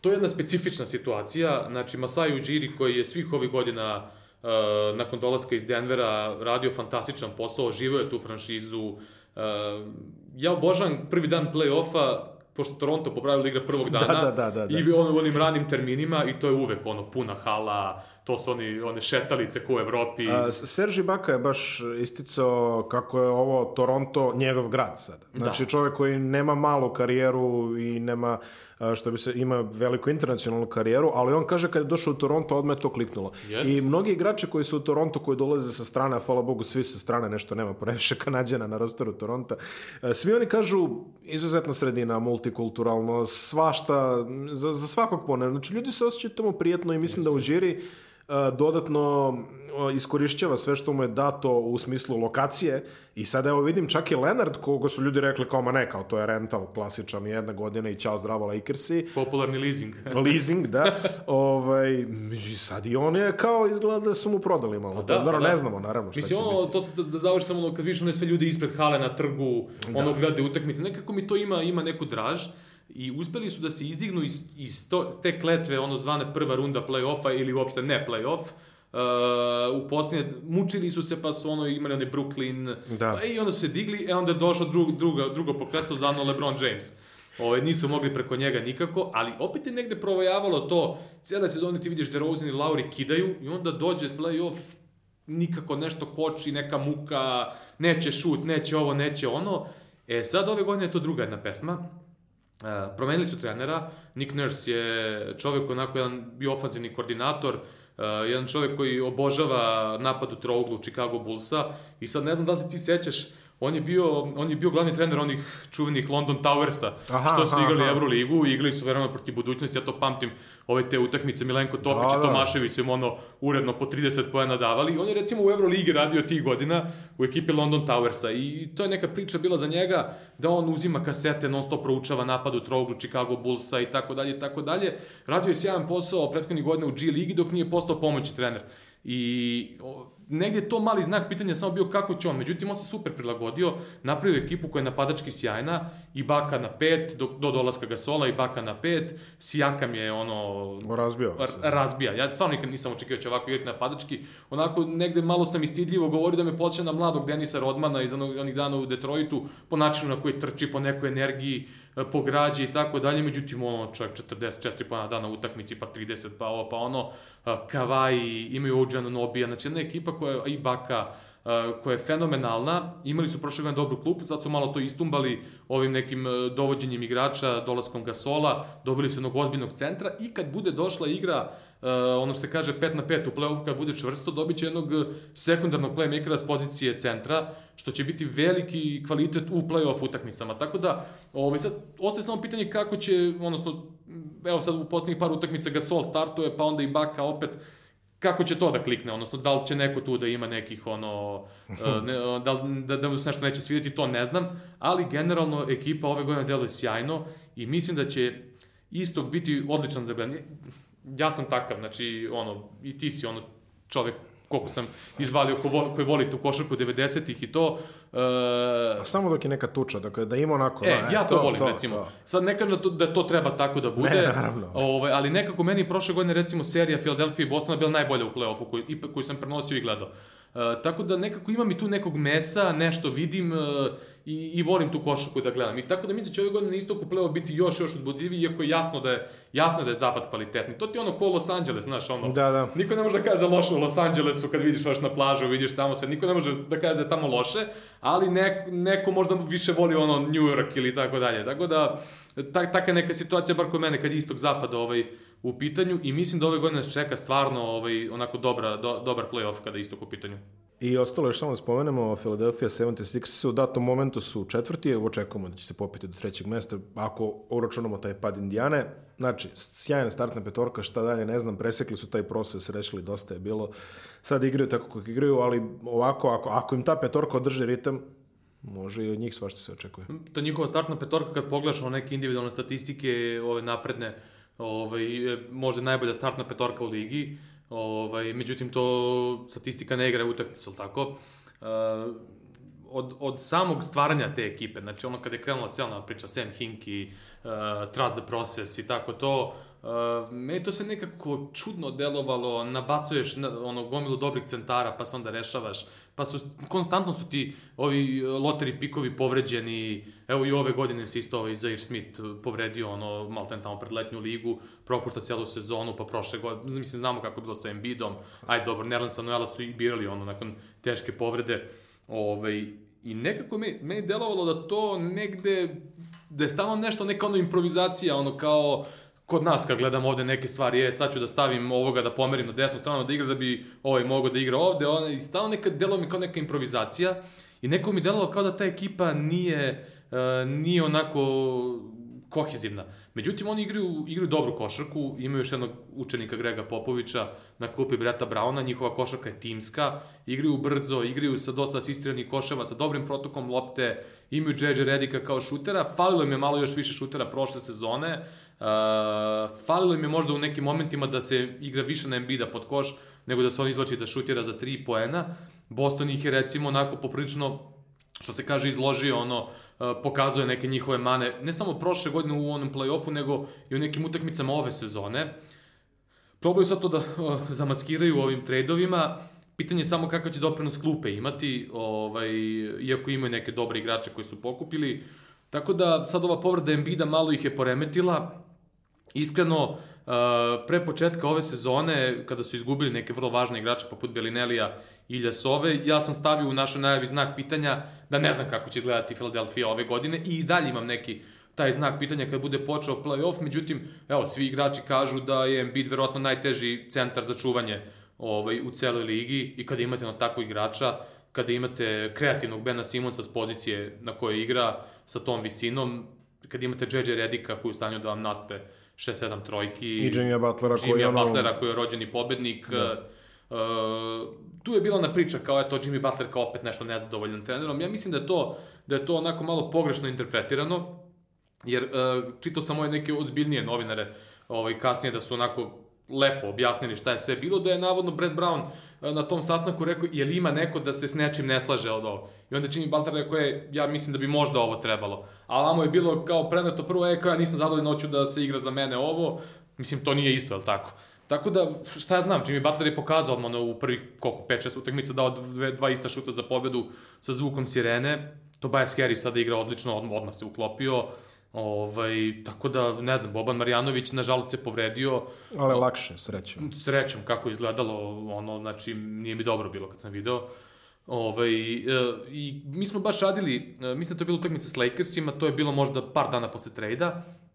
Ja rekao, kao možda, možda je prava prilika da vidimo koliko će ozbiljno računati na, na, na Bobana protiv Lakersa koji igra u ultra brzom ritmu, gde je to možda ne, ne bila zamerka glavna za Marjanovića da možda sa svojom visinom igrađom ne može da prati taj tempo utakmica i da zato nema minutažu. Međutim, uh, Brad Brown očigledno ima, ima ovaj, za njega ulogu. Uh, nažalost, ta povreda ga je sad malo udaljila sa terena. Nadamo se da će se brzo vratiti, da će biti spreman ovaj, za play-off i da će dobijati tu ulogu. Dakle, on, on ima svoju ulogu, prvi put je dobio neku ulogu i nebitno ko je protivnik, očigledno da će igrati. Tako da, ovaj, sa njim i sa Embiidom nije lako. Boban je jedan od onih redkih, ono, obično ono koriste ono microwave izraz za, za one bekove koji su u stanju da, kao JC Carroll, ono, naspu za 3 minuta 15 poena, e, Boban to može s pozicije centra i danas nema mnogo takvih igrača u ligi koji su to u stanju da urade i ko to bude znao da iskoristi, ovaj, možda će imati ono neki ekstra kvalitet u tom smislu u, u play-offu. Selimo se na zapad, prognoze ćemo ostaviti za kraj, ali ovako na, na samom dnu zapada i na samom dnu ligi imamo Phoenix Sunse koji su u poslednje vreme nešto u vestima. Par uticajnih američkih novinara je počelo da priča o lošoj situaciji u klubu. Uh, neki su čak otišli do interpretacija da je mesto prvog trenera Igora Kokoškova ugroženo. Uh, neki mladi igrači su imali glasna neslaganja sa stvarima u klubu, Buker nije zadovoljan zbog ovoga, neko nije za... Uglavnom, loša situacija, sad znamo, Robert Sarver nije baš čovjek za koga sve vole da rade, ne ističe se tako, ali o, nekako meni čini, mislim, kad imate Dončića, jeli, koji je to što je, DeAndre Ayton koji ima jednu jako dobru sezonu, neko ko je pao u drugi plan, što možda i ne bi trebalo da bude tako, ali koje, Sansi definitivno igraju za budućnost, ali čini mi se da neki ljudi tamo bi hteli tu budućnost malo da ubrzaju. Međutim, možda i neprirodnim putem. Mislim da je već godinama kod njih ta situacija onako malo Pa dosta su Klimava. bezizlazni, ali nisu New York, ergo Da. ne priča se o njima toliko. i Pa onda- da, nisu, nisu taj market, ono što se Da, kaže. da. Međutim, eh, dosta, dosta nekih promena trenera u, ono, u šestom kolu, žargonski rečeno. Tako su radili i ovaj, ove godine kada su maltene pred start sezone uzeli i, promenili ono gotovo ceo front office. Uh, dali James, Jonesu šansu da on to sve kao nešto sad složi pretumba, nisu bili u stanju da potpišu jednog playmakera, da ti par dana pred start sezone nemaš playmakera, pokušavaš nešto da radiš, da nađeš tamo, vamo, i onda sve smeniš, promeniš pred početak sezone, pred onaj free agency, gde, gde je trebalo nešto da se dovede, da se potpiše, sve si promenio, odradio si draft proces sa, sa tom, uh, sa tim front office, onda si sve rasterao, kad pričamo o onim ljudima koji su, koji su zdrave priče, onda vidimo ovde nešto gde baš deluje kao da, da nema nekog plana jasnog. Ovaj, ta priča sa Dončićem uh, i biranjem Dončića, zaista, to je ona stvar da ne budeš u koži njima. Mislim, Ne, naravno. Lako je sad pametovati i reći je, mi smo znali Luku fenomenalno, ali uh, kad imaš Ejtona, koji je takav kakav je, atleta, uh, tamo je na oku bio, uh, on ti gotov proizvod, ti znaš šta će donese. E sad, meni tu možda razlika u odnosu na, na Luku, što je meni, po mom mišljenju, Luka igrač koji može te digne na neki nivo, a mislim da će Ejton cele, celu tu karijeru imati on svojih 25 pojena, 12 skokova i to kako će uticati na ostatak ekipe, da li će nekog načiniti boljim, to ne znam. E, tako da to meni negde bio ono, ja sam uvijek bio tu za Luku, ali opet rekao kada smo mi radili tu, tu taj specijal pre, pre dra- draft, da je za Luku možda najidealnija sredina ovaj, uh, Dallas. I rekao tad, ok, da bi bio Dallas, to mora bude peti pik, znači manje novca u startu, kasnije se desio trade, jel te, pa je biran kao treći i sve ostalo, ali e, Dallas kao, e, kao tim, kao e, trener Rick Carlisle, kao Dirk Novicki koji je tu podrška, kao tu neki tim koji počinje da se skupljao, sad ajde ovi tradovi su napravljeni za Porzingisa i tako dalje. Ovaj, mislim da, da je to nekako najidealnija sredina i bila za, za Luku Dončića i pokazuje se ove godine da se on uklopio, mislim, Pritom što smo sad rekli za Sarvera neće da igra niko, to, to, ali mnogo ljudi hoće da igra za, Za Marka Cubana, Cubana. da. da. Tako da zdrava sredina, marketinški su sjajni, ekonomski su stabilni, mislim da everything oni... is bigger in Texas. Everything is bigger in Texas, sve će one, sve će one to lepo ovaj, da. nadoknaditi, ali eto, Dallas smo sad došli malo, Phoenix, oni su ono, two years away from being two years away. Da, Tako mi izgleda. da, da, da. Bukvalno, ne, ne znam, iskreno ne znam šta da mislimo o ekipi Phoenixa. Igora izuzetno cenim kao, Naravno. kao trenera i imao sam čak i tu sreću, ono, kad sam ja igrao u mlađim kategorijama, da, da, da održi par treninga, da menja našeg trenera koji je bio bolestan. Ja tad kao klinac, znači ja sam tad bio neki, šta znam, neka kasna osnovna škola, kad ja kao dete tad vidim da je neko sjajan trener, kad sam u stanju da ocenim da je sjajan trener, i onda vidiš se ove godine čovjek ide ono nekim redosledom pravilnim, čeka svoju šansu, čeka svoju šansu i onda uradi ono sve sa Slovenijom, ovaj, tako da zaista bi volao da uspe u NBA-u, da, da, da to postane neka zdrava priča narednih sezona i da, da, da Phoenix krene na gore baš iz tog razloga. Ovaj, što se same ekipe tiče, dosta talentovanih igrača, ali opet dosta nekih sad stvari tu koje nisu... E, dosta naplata nekih promašaja iz da, prošlosti. Da, da. I nekih, ne, neko ponašanje sad počelo da izlazi na, na vidjelo nekih igrača za koje nisam očekivao. Bio je ovaj dečko što je promašio ono autograf signing, ono, nije čovjek došao. George na- Jackson, da. George Jackson, da. Da. To je baš ovako, mislim, za, ljude koji nisu upućeni, koji možda manje prate u Americi, vam je community work i sve te stvari su on svetinja. Znači, to ko promaši, da, da. Da. da ne dođe na zakazano potpisivanje, bilo Kao da šta... nisi došao na avion da putuješ sa E, ekipom. najbukvalnije. isto. Znači, bolje da nisi došao na Da, avion. da. Mislim da je ovakva ono, izdaja plaćenih fanova je nešto najgore što može da urodiš u NBA-u. Tako da kad se to desi u NBA ekipi, ljudi uglavnom krenu da kaže, a, ovde nešto ozbiljno ne valja. to je. Tako da ne znam, eto, ima dosta talentovanih igrača, ja mislim da njima treba, da njima treba neki ono, playmaker, dobar, iskusan, da je možda treba još neki iskusan igrač, ali eto, bio je Riza, pa otišao, pa zaista ne znam šta, šta, Chandler, o- ne znam šta da mislim o, o tome. Kako će to izgledati? Phoenixu svakako želimo strpljenje, pre svega zbog Strpljenje, Igora. pre svega, da. Verujem da će to otići u pravcu kako treba. Memphis isto jedna ekipa koja je rešila da sve razloži na sastavne delove ove, ovaj, Joj, ove sezone. moj Memphis, ja, ja njih ono volim, oni and grinderi, grind. grinderi, da, obožavao da. sam tu ekipu, onda kad krenulo to sve se raspada, poprilično me to pogodilo. Ali eto, Conley, izvinim što te prekidam, Conley je rekao da želi da ostane, da... Eto, to je... Pa sad je bilo priča on i on je bio potencijalno ono već Da, da, da, da, da. ne bili dogovoreni tradeovi za njega i za Gasola. I onda ka- kad su imali neuspešni pokušaj da se kao prilagode ovome modernom, modernoj košarci, da odustanu od grit and grinda, pa to se nije baš nešto pokazalo uspešnim, izuzev one jedne sezone kad su dohvatili play-off. Ovaj, I opet ove godine meni delovalo da će to ponovo da ide ka, ka tome i počela tako sezona i sve je dobro išlo i onda u jednom trenutku opet sve nekako skliznulo i aj sad sve od početka. Mislim da će njima biti mnogo teže da naprave nešto iz početka. Baš Biće, je ono da. neatraktivan market. Da, ali eto, imaju i one neke dobre igrače, ovaj, ovog malog Jerana Jacksona su letos pokupili, koji se meni mnogo dopada, još na Michigan State-u. I Sacramento. Uh, Taj. iz Michigan, iz Michigan... Uh, Kako se zove nešto igra u Sacramento? Josh. Jer Josh u Sacramento ima ih ono nekoliko. Nisko krilo. A ti misliš na, ne, ne, ti misliš na ovoga maloga sa, sa UNC-a.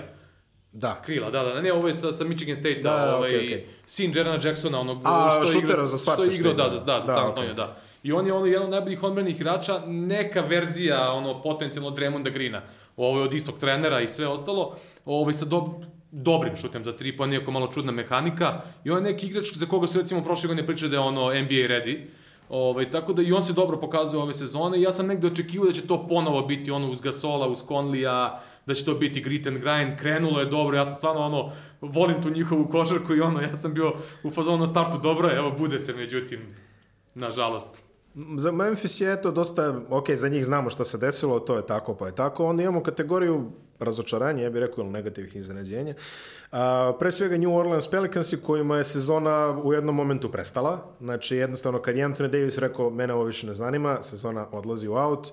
A, on je sad tamo u svađi, oni moraju da mu daju minute, inače će... Ne igra četvrte četvrtine, Ne igra, ma ne, mislim, cirkus jedan opšti, znači, posle te cele sabotaže imamo to, smenili su Dela Smenili Demsa. su Dela Demsa verovatno Da. zato što im je upropastio posao decenije sa Lakersima. Stvarno, ako su, ako su one ponude bile tačne, Da. ono treba uzeti i beži. Uzmi i beži, otprilike pa makar bio Anthony Davis. I imamo Minnesota koja, eto, još uvek tu je.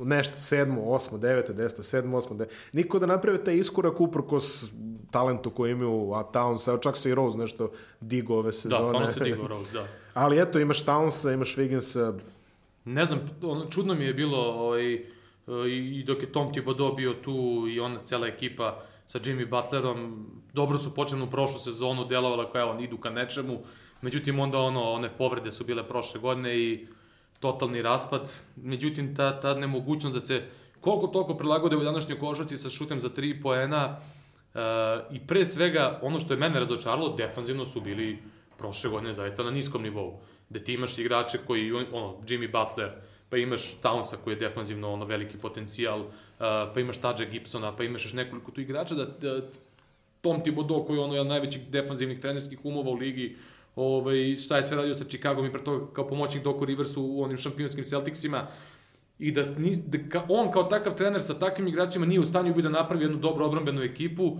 očigledno da nešto tu nije funkcionisalo. Ovaj, uh, prošle godine su dohvatili nekako play-off na Edvite Jade, do, dohvatili su na, na tuču i na, na, na, na, na taj stari neki mentalitet u direktnom duelu sa ekipom Denvera. Ovaj, međutim, ove godine, leto što, što je sve izlazilo u medije, očigledno da tu nije bilo zdrave atmosfere i kada je takva neka atmosfera toliko onako zatrovana, očigledno da ne može da se napravi nešto. Ja imam neku, neku svoju suludu teori- teoriju da a, ekipa ili da ima onu, onu porodičnu atmosferu ili da ima lošu atmosferu. Da, da, to Portland, dobro. ono, da, da. Pa da, ili ono, pa i za Chicago Bullsa su ono pričali isto Naravno, da... da, pa bilo je ono, sećam se ono da su se gađali znojnicama po... Pa i ono kao kad dođu na gostovanje da idu svi odvojenim taksijima, Da. da. ono da niko ni sa kim ovaj imamo i primere ovde kod nas neki veliki rezultati ono nekih ekipa reprezentacija da igrači nisu bili u tako dobrim odnosima da su Čini mi se 2002. da se baš ma pomenjalo konkretno. ne, i ranije ono tako da ovaj ali ako je već toliko negde zatrovana atmosfera to onda teško teško ovaj Slična situacija u New Orleansu, zaista. Oni samo čekaju da sezona završe pa da gledaju da će da uvale ovoga. Ono što su već imali su već ono, uspeli da rasprodaju. čudno da zaista a, a tako su lepo delovali prošle godine u plej-ofu Ja sam čitao, mislim, bila je interesantna priča, ja sam čitao kako su oni a, rehabilitovali New Orleans koji je bio isto na pragu gašenja i onda su oni, kaže, bukvalno Anthony Davis išao od kuće do kuće, imali su kao neki kao a, fundraisere za prodaju sezonskih karata i onda bi GM bi išao sa, Da, da, sa svojim zvedama. Sve su oni to gradili, gradili, ovaj delo je srećan, zadovoljan, njemu Jesi kaže... vidio sad što su radili ono na Mardi Gras, ovo e, sa NFL-om, što su pravili Nisam one mislio. neke, na show, maskirali su se u A sudije. jel tako? Da, da, maskirali su se u sudije. A, misliš za Saintse, ovaj... E, Da, vidio, da, da, da, vidio, da, da, i oni vidio. pehar što su kao dobili, To sam kao video- najveća krađa u istoriji i tako dalje, za, mislim. za, za ovaj, slušalci gledalci koji ne prate NFL, New Orleans Saints je, reći ću glasno, brutalno pokraden u ovaj, finalu u konferenciji, u finalu NFC-a, znači ono ne bi sudio, ja mislim, ne, ne, neću sad u komparative da, da ne lajem, ali generalno eto i onda na tradicionalni Mardi Gras proslavi u New Orleansu navijači, a boga mi i zvaničnici, I zvaničnici. su imali ove neke poruke za, za. U svakom slučaju, New Orleans je jedna lepa sredina, ali opet ne tamo nešto njima tek Njima prestoji. i, i vlasnik im je e, preminuo i sad to... Njima prestoji Da, jedan ozbiljan vodi. rebuild. Jeste. E, dolazimo polako na ove najinteresantnije teme zapada, iako su, jeli, nisu, još smo daleko od play-offa, ali prvo, to je apsolutni kolaps Los Angeles Lakersa. Ljudi su, ljudi, ljudi su rekli bit će koliko toliko konkurentni. Međutim, dešavaju se dve stvari. Dešava se povreda Lebrona za Božić. To je prva stvar koja ih je izbacila iz koloseka. A onda druga stvar koja je onda isplovala na videlo je taj debakl oko trejda. Pa imamo one čuvene slike da Lebron sedi u jednom ćošku, ostatak klupe sedi u drugom. Pa jesi šta je bilo?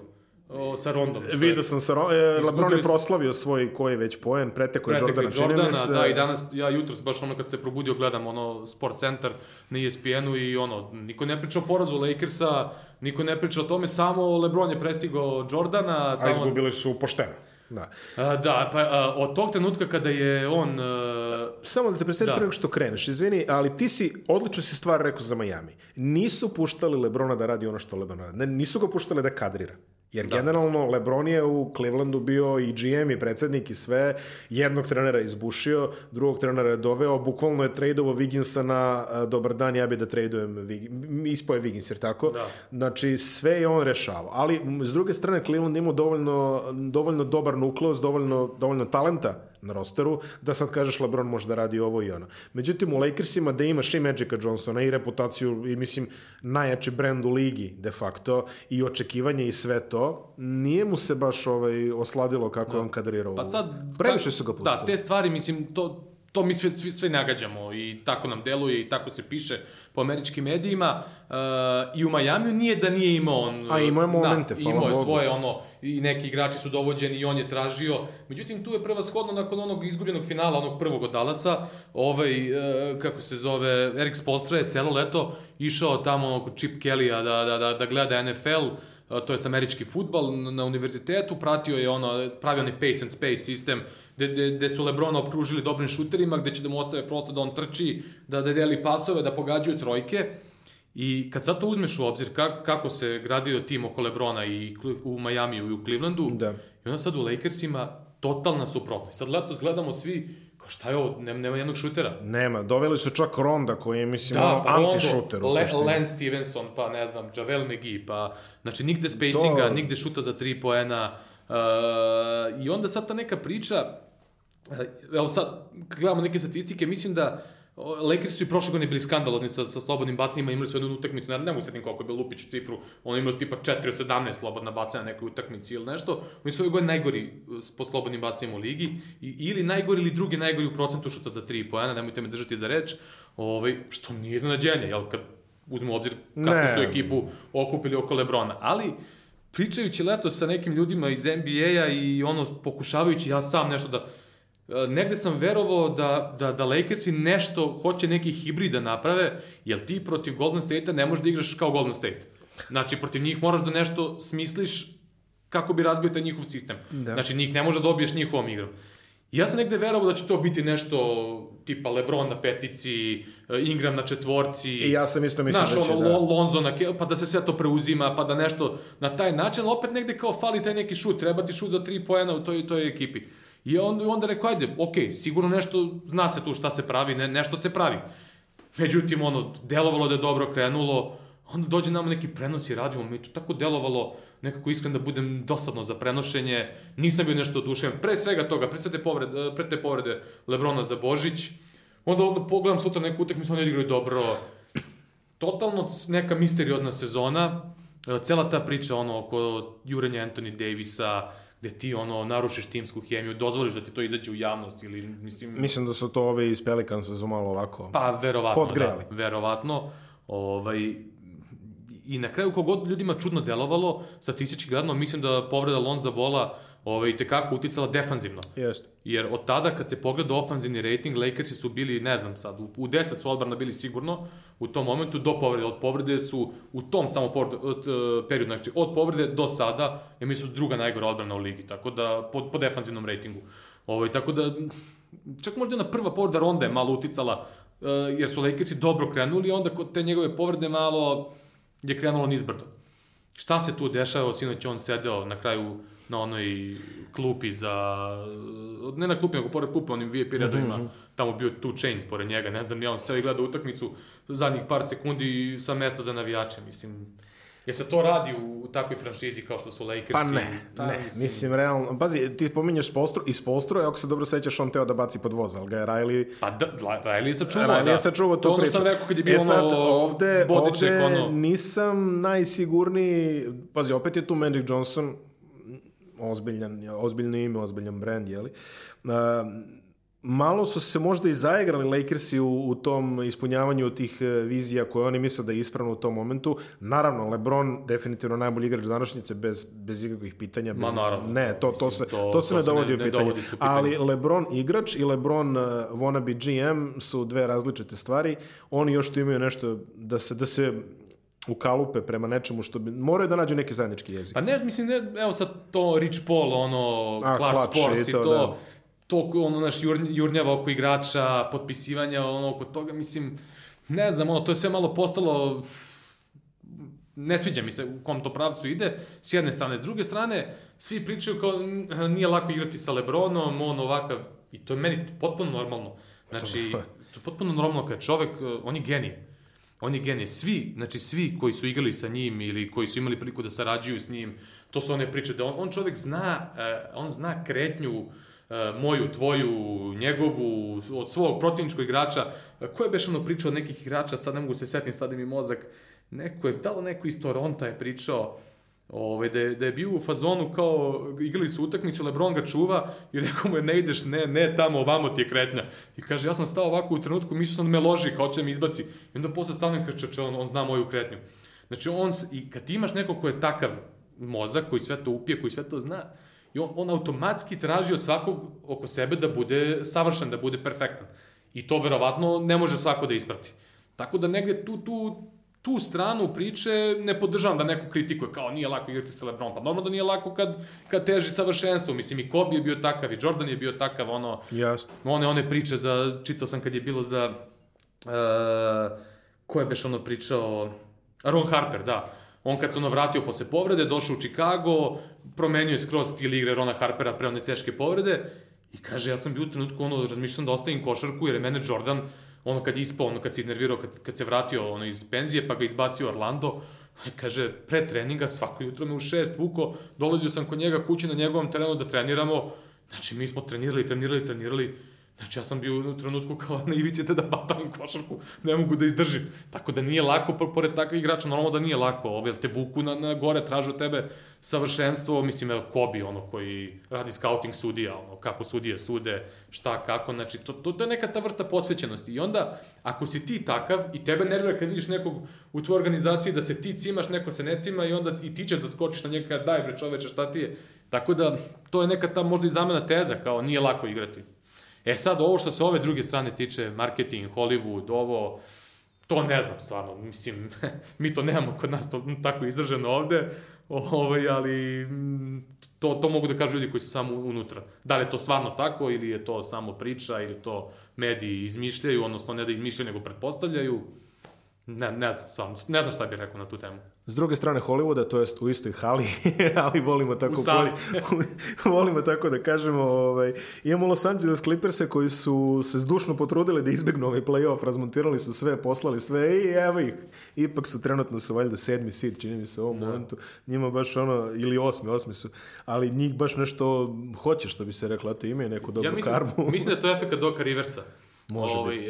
Doc Rivers je, ja, ja njega stvarno cenim, ono, izuzetno trenerski, iako i bilo je nekih pocenjivanja u prethodnih nekoliko godina na, na, na njegov račun, I prošle godine sam pominjao nekim prednosima i ove godine da me malo podsjeća na onu njegovu prvu sezonu trenersku kao glavnog trenera u Orlando Magicu. Znaš kako ono amerikanci kažu, ono, vratio je svoj mođo, našao je svoj da, mođo da, da, ponovo. Da, da, da.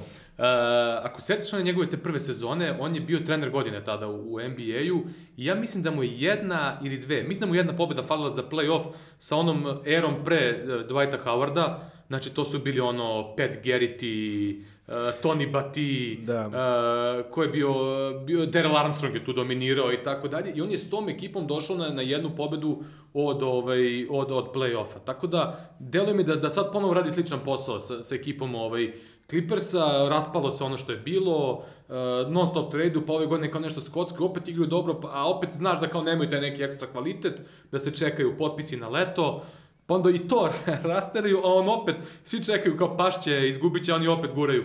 Prošle godine su oni isto izgubili, možda za dve, tri pobede su izgubili play-off. I to zato što se raspali bukvalno u poslednjih par utakmica, mi smo prenosili sa Denverom, na toj utakmici stvarno nisu ličili ni na šta i to ih je možda na kraju i koštalo ovaj, plasmana u playoff. Tako da, mislim da je to neki efekat Doka Riversa, ovaj, i da ekipa, do, dobar draft su imali, pre svega Shea Gilgis Alexander, ono, odličan izbor, momak koji je onako tiho i ne mogu kažem ispod radara, nije ispod radara, ali negde onako tiho iz ovih svih najjačih imena, mislim da gradi jednu do, dobru NBA karijeru.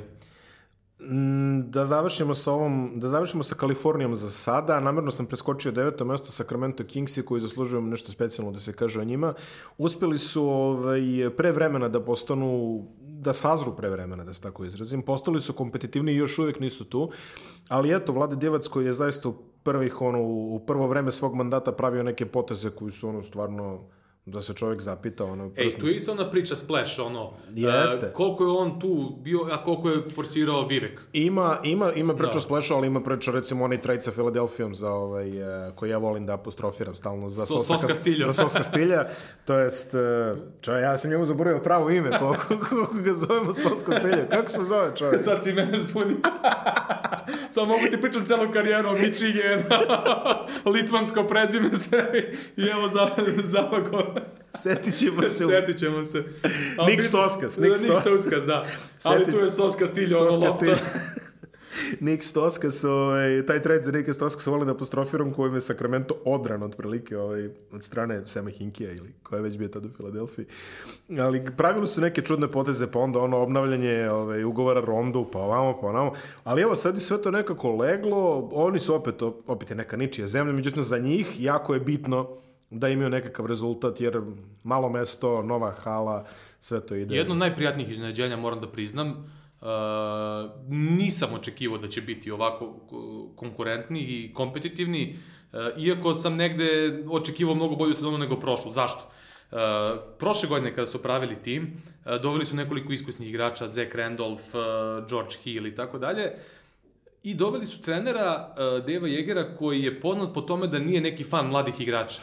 I meni je tu bilo malo čudno kako će to da funkcioniše. Onda u jednom trenutku sezone vidiš da se odriču ovih iskusnih i onda s druge strane gledaš ekipu koja igra na mali broj poseda, ne igra u brzom ritmu, a imaš Djerona Foxa koja je jedan najbržih igrača s loptom u ligi, imaš mladu ekipu i nekako mi to, nisam, nisam znao šta da mislim na tu temu, ovaj, plus ove sve priče oko nekih nesuglasica Deva Jegera koje provajavaju ove sezone, e onda letos jedan bitan zaokret. Krenuli su da igraju u brzom ritmu, prilagodili su ritam, odnosno tempo igre igračima koji posjeduju i mislim da je to možda jedna od ključnih, od ključnih stavki koje je Sacramento promenio da bi krenuli na gore uz naravno sazrevanje i Djerona Foxa i Bogdana Bogdanovića uh, i dolazak Marvina Beglija koji je onako uh, jedan od najvećih talenata u Americi bio i njegov, njegovo biranje ne može da bude promašaj. Jedina znak pitanja kod njega je bila odbrana jer ovaj, on je u suštini čovek zbog koga je Mike Šiševski prošle godine igrao zonsku odbranu skoro cele sezone.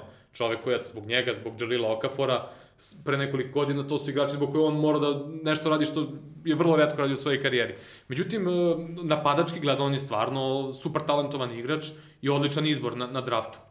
A, tako da, e, ekipa je puna talenta, Uh, imaju trenera koji isto tako bio poznat kao defanzivni trener i kao pomoćnik u Memphisu i kao glavni i e, evidentan je napredak. Evidentan je napredak. Znači, to nije ono... U početku sezone se onako malo bio oprezan i kao super guraju super, ali ček da vidimo šta će rade protiv ovih najjačih timova. Međutim, skinuli su ozbiljne skalpove ove sezone. I prošle i ove, dobiti Golden State uh, i tako dalje. Znači, to, to pokazuje da, da, da je to već jedna zdravija priča. I ovaj, drago mi je zbog Sakramenta, drago mi je zbog, zbog Bogdana i zbog Bijelice. Bijelica se malo vratio sad u rotaciju kad je bila ova povreda ovaj, Beglija.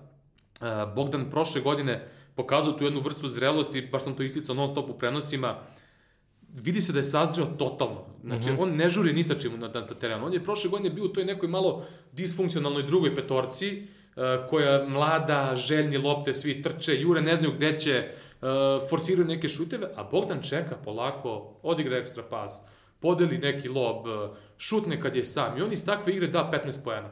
Ne žuri nigde, ne srlja, baš onako videlo se da je sazreo. I to se primećivalo recimo prošle sezone da kad su egale utakmice da on ostane s prvom petorkom kad se lomi meč. Ovaj, tako da on mislim da je potpuno sazreo i ovaj, nažalost da nije bilo te povrede pre početka sezone one operacije, mislim da bi on imao još mnogo bolju sezonu ove godine, ali eto zdravlje Bože, nadamo se sledeće sezone da će i cela ekipa i on sam imati još još ono neki više I nivo. nadamo se da će Vivek, e, Vlade i ekipa naći zajednički jezik, jer stvarno što što kažeš, provajavaju razne ove priče o tome da neko tu nije na istoj talasnoj dužini, da Vivek pa koji... Pa da, bilo ono i ranije priče i pre dolaska divca da je Vivek ono insistirao da se dovede Jimmer Fredet, pa da tak, tako... Pa Vivekov ovaj cherry picking, ono... Pa njegove... mislim, tako da sad, da, opet to su neke priče koje su ono iz američkih medija, koje mi možemo samo da naslučujemo ovde. Da. Nema veze, dobro, bilo je tu nekih konkretnih poteza, bilo je otpuštanje u front office pa je bila ona priča o krtici u Sakramentu i tako. Da, da, da, da. Ma mislim i bila je priča oko Demarcusa Kazansa, ono kada je, ko beše, Mike Malone kada je smenjen. Da. Da su kao prvi put da Kazans e, našao nekog e, trenera s kojim je su, u super odnosima i kad su njega sklonili, on je tu totalno ono izgubio posle. Sva što se dešava u prestonici Kalifornije, svakako eto i njima želimo stabilnosti i uspeha, sada vreme je da idemo dalje na lestvici, već smo za malo zagrebali play-off. Na petom i šestom pozabavit ćemo sedam mesto malo kasnije, ali na petom i šestom imamo Portland i Utah, Ove, ja sad moram nešto kažem u Juti lepo da me Edi ne bi ubio, ove, jer verovatno ove će. prošli put sam, prošli put sam ove, ugrizu za srce tako što se referisao na, na neka finala sa Chicagom, ali nema veze, to oni su u nekom stabilnom ritmu, rekao bi da je tamo sve okej. Okay, ono. Da, oni su, oni dobro rade. Oni su ovaj, i prošli ove sezone imali neki period krize i onda period kad se dignu, kad zaigra onu odbranu njihovu prepoznatljivu. Da, da, da, da, Znači oni recimo negde sredine sezone, kad se uzme samo taj period recimo tog trenutka, pa na ovamo, oni budu prva, druga najbolja odbrana lige. Dotle budu neki problemi, povrede, tamo ovamo, ovaj, međutim oni igraju sjajno.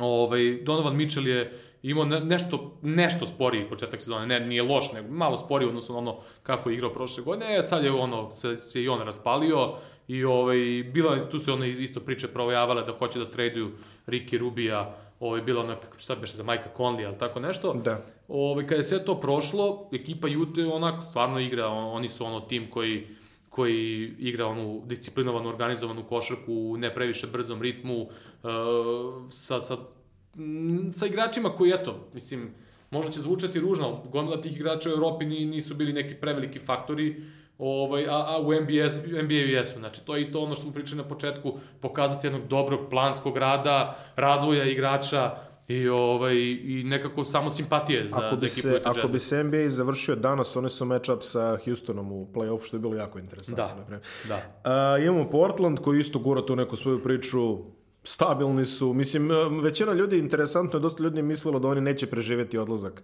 Lamarcus Aldridgea. Da. Što se desio, ali eto, oni sad I ne samo Aldridge, oni su te, te sezone kada Aldridge otišao, to je tog leta, četiri igrača iz petorke su izgubili. Aldridge samo, li, samo Lillard ostao. Bio. Samo Lillard ostao, da. ali Aldridge kao bio lice franšize, da, da. znam da su, to je bilo i pregovaranje i nagovaranje i ne znam nije šta, međutim, eto, oni su preživali to. Igraju jako dobro, ne znam šta bi više mogu da kažem. Igraju odlično, zaista. I Terry Stotts je preživao letos, svi su pričali da će dobiti otkaz nakon onog pada u poslednjih par utakmica regularne sezone, onog, on, kažem, ne sramnog, ali ono, nisu ličili na sebe protiv New Orleansa, gde u jednom trenutku ono, njihove dve prve zvezde Lillard i, i McCallum nisu mogli da uopšte nađu rešenje na, na, na agresivnu odbranu New Orleansa koji nije važio sad za neku spektakularnu defanzivnu ovaj, ekipu prošle sezone. Tako da ove godine su mislim da su malo pojačali onaj uh, ka, am, američki izraz mnogo lepše to objasneno, supporting cast, ono, da, uh, igrače, sporedne, u, sporedne, ulo, sporedne uloge i igrači koji koji su tu da pripomognu nekim šutem, e, da su to malo dobro sredili, da je Jack, Jake Lehman dobio prostor da igra više, e, tako da ove godine mislim da su, da su mnogo onako konkurentniji, da su bolji i mislim da bi ove godine mogli da imaju bolje učešće u play-offu. I šta sa nama je preskočio San Antonio koji je sedmo mesto zato što čisto, evo da im posvetimo koju reč više, delo je kao da je priča pred krajem. Da. Da je ovo poslednji ples Grega Popovića ili tu negde.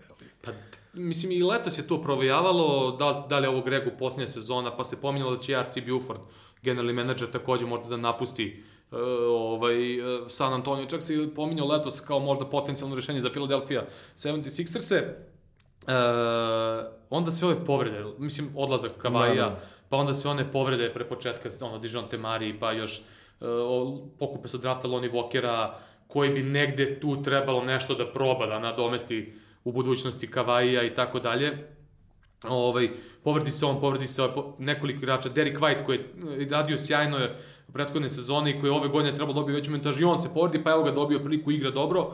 Uh, I sve je to ovaj, uticalo negde na ekipu San Antonija da negde u nekom momentu se očekuje da, da imaju slabiju sezonu. Međutim, oni igraju u ove sezone po sistemu toplo-hladno igraju, onda nešto lošije, pa onda igraju fenomenalno, opet pokažu da su sjajan defanzivni tim, pa onda opet sad su imali onaj uh, rodeo trip uh, gde su izgubili ono, koliko su imali ono, ne znam, jedno, jedan, jedan sedam učinak, a sad su opet kad se vratili kući dobili nekoliko utakmica, Ovaj, ne bih ja otpisivao ove godine uopšte, iako nisu na tom nivou, ali su oni tim koji opet su u stanju da sistemski odigraju neku dobru odbranu, uh, oni su tim koji ne šutira mnogo trojki, ali koji je vrlo precizan ovaj, uh, u šutu za 3 poena, imaju među najboljim, ono, sad u nekom trenutku su bili najbolji u procentu šuta za 3. I jako nezgodan matchup sa Denverom koji se da, da, da, da, da, da, ba, baš to. Tako da ja mislim da će oni dalje imati šta da kažu ovaj, ove sezone. E sad, Eh, nekad vas i oni malo tako šamare, ono kad krenu, ono vidiš da ne mogu da dobiju nikoga, baš neke utakmice koje su izgubili, nisam očekivao da će izgube, onda opet odigraju neke utakmice neverovatno,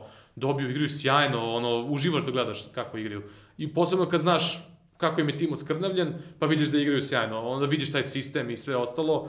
Ovaj, tako da, eto, jedna sezona svakako interesantna, vidjet ćemo šta će biti budućnost ekipe San Antonija. Na četvrtom mestu Oklahoma City Thunder, gde je pomoćni trener naš prijatelj Darko Rajaković. Da.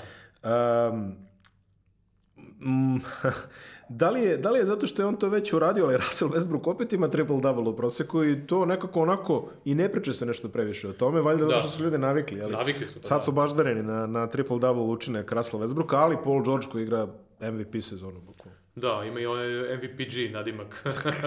MVPG.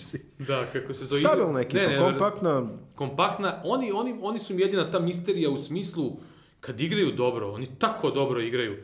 I onda do, dogodi im se da, da igraju katastrofalno neke utakmice, da, da to ne, ne liči u nekim momentima, ni, ni zašto ja se stav, svaki put hvatam za glavu kako je moguće da ekipa koja tako igra dobro, da u jednom trenutku ono veže pet poraza iz čista mira, pa onda opet vežu sedam pobeda, gde pritom Westbrook koji ima triple-double sezonu, opet uh, ima neke uh, prilično probleme ove šuterske ove godine. Znači, loše šutira penale ove godine, za 3 poena je na nekih 20%, Uh, ove godine kao probao malo da promeni stil igre, na, da, da smanji broj onih njegovih šuteva iz driblinga s polu distance, uh, na konto više šuteva za 3 poena, pa ništa od toga mu ne ide ove godine, a on i pored svega toga ima triple-double u proseku. Tako da, ovaj, Oklahoma uh, je organizacija koju ja isto tako ono, poprilično cenim, Sam Presti je čovek koji je izgradio tu franšizu sjajnim izborima na draftu, jer ako se setimo perioda kada je on birao Jamesa Hardena, svi, ali svi su ga kritikovali što ne birate Rika Evansa, bira Jamesa Hardena. Ovaj, i, i, napraviti te, takvu ekipu, razviti sve te mlade igrače, usavršiti ih, uh, ostati bez njih, pa ponovo krenuti iz početka i uvek napraviš neki dobar posao, to znači da se, da se nešto dobro radi. E sad, Mene brinu samo ti, te neke žute minute. Ove, ove godine deluju kao mnogo konkurentni tim koji može čak da napada i neko finale zapada Ako se naravno... Imaju čvrstinu. Da, imaju, imaju čvrstinu. čvrstinu. Je... Igraju sjajnu odbranu i oni su recimo... Uh, ta neka era gde sad kao ti asistirani koševi, timska igra, oni su tim koji godinama recimo ima vrlo mali procenat asistiranih koševa, ali su s druge strane efikasni.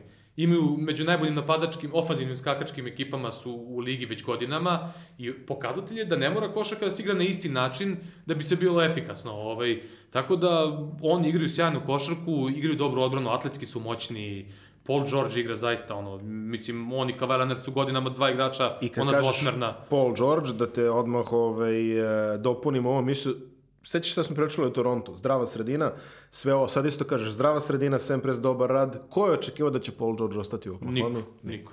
Međutim, eto, čovjek produžava i igra nerealno, što samo dodaje u prilog toj teoriji koju pričamo da je zdrava sredina zaista I meni dodaje to, znači. dodaje u prilog teoriji da recimo uh, ono što ja pričam stalno Russellu Westbrooku i što sam baš pitao Darka Rajakovića kada je bio gost, da on, ako može on iz prve ruke da nam približi, uh, ja sve što sam slušao ranije i čitao Russellu Westbrooku, da je on sjajan momak. Da ovo sve što mi vidimo neka maska, Uh, i sam taj njegov neki inat da kada je otišao Durant da on neće da ode, da će da ostane tu, da će sam da se bori, ja ga zbog toga cenim i, i, i volim. Iako igrački uh, tip playmakera nije neki tip playmaker koji ja volim uh, ovako da gledam. na. Naravno, da. Ali s druge strane ga izuzetno poštujem i ovaj i sam taj pokazatelj da je Paul George rešio da ostane sa Russellom Westbrookom uh, pokazuje, pokazuje nešto, je li tako? Ovaj, s druge strane, nisu mi se svidele malo te priče, ono kad je prvi put imao onaj triple-double u proseku, ono Da, ono, kao kad je sklanjao ljude za kao skokove. puštaju to mu skokove i tako dalje. Ja sam se trudio maksimalno u prenosu da probam da objasnim ljudima da ipak nije to tako, da to nije sklanjanje, či, možda je bilo u nekim momentima kad mu fali jedan, sigurno će neko da mu pusti, Pa ili, dobro, znaš, da. A što, što da ne u nekim momentima, nije ono Ricky Davis. Ricky, sad sam krenuo kad je kažem bacao Ricky. se na svoj kor. Sad sam krenuo da kažem Ricky Davis za ove koji ne znaju, Ricky Davis je sebi napakovao triple-double tako što je šutirao na svoj, svoj koš. koš, da bi uzeo da bi skok. skok. Nastavim. Ali znači rast to nije, nije takav bio. Da, da, znači, nije takav e, bio. Ali vrlo važna stavka igre Oklahoma, e, to da, da, da on skine defanzivni skok i da odmah pojedu tranziciju, ovaj, i, i, zbog toga je delom, dobrim delom su ti skokovi puštani njemu, jer to ne, e, mnogi timovi nemaju taj kvalitet, nemaju takvu, takav dinamit od igrača koji stanju da pokupi skok i da jurne do kraja, da, da mu ne može niko ništa. Pritom, ja sam gledao Russella Westbrooka uživo. Eto ti onda verovatno Ljudi, to... vi, vi ne možete, evo svima, svima vam kažem, vi ne možete da pojmite kako to izgleda.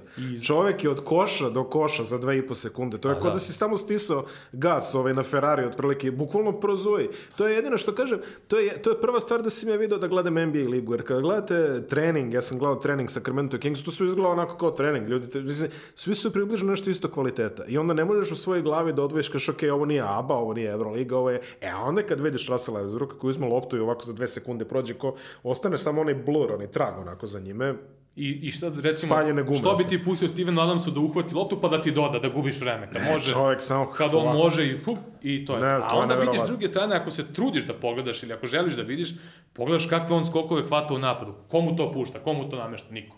Pa. Tako da, ovaj, ta, ta priča se meni nije svidela, konkretno i ovo što čovek radi, znači, evo, koja je ovo, treća zona za redom, gde je on u triple-double, tako, Da, mislim, mislim, da. to stvarno, Želimo puno sreće Oklahoma pre svega zbog ovaj, Darka Rajakovića, ali dobro, ajde zbog ostalih simpatija.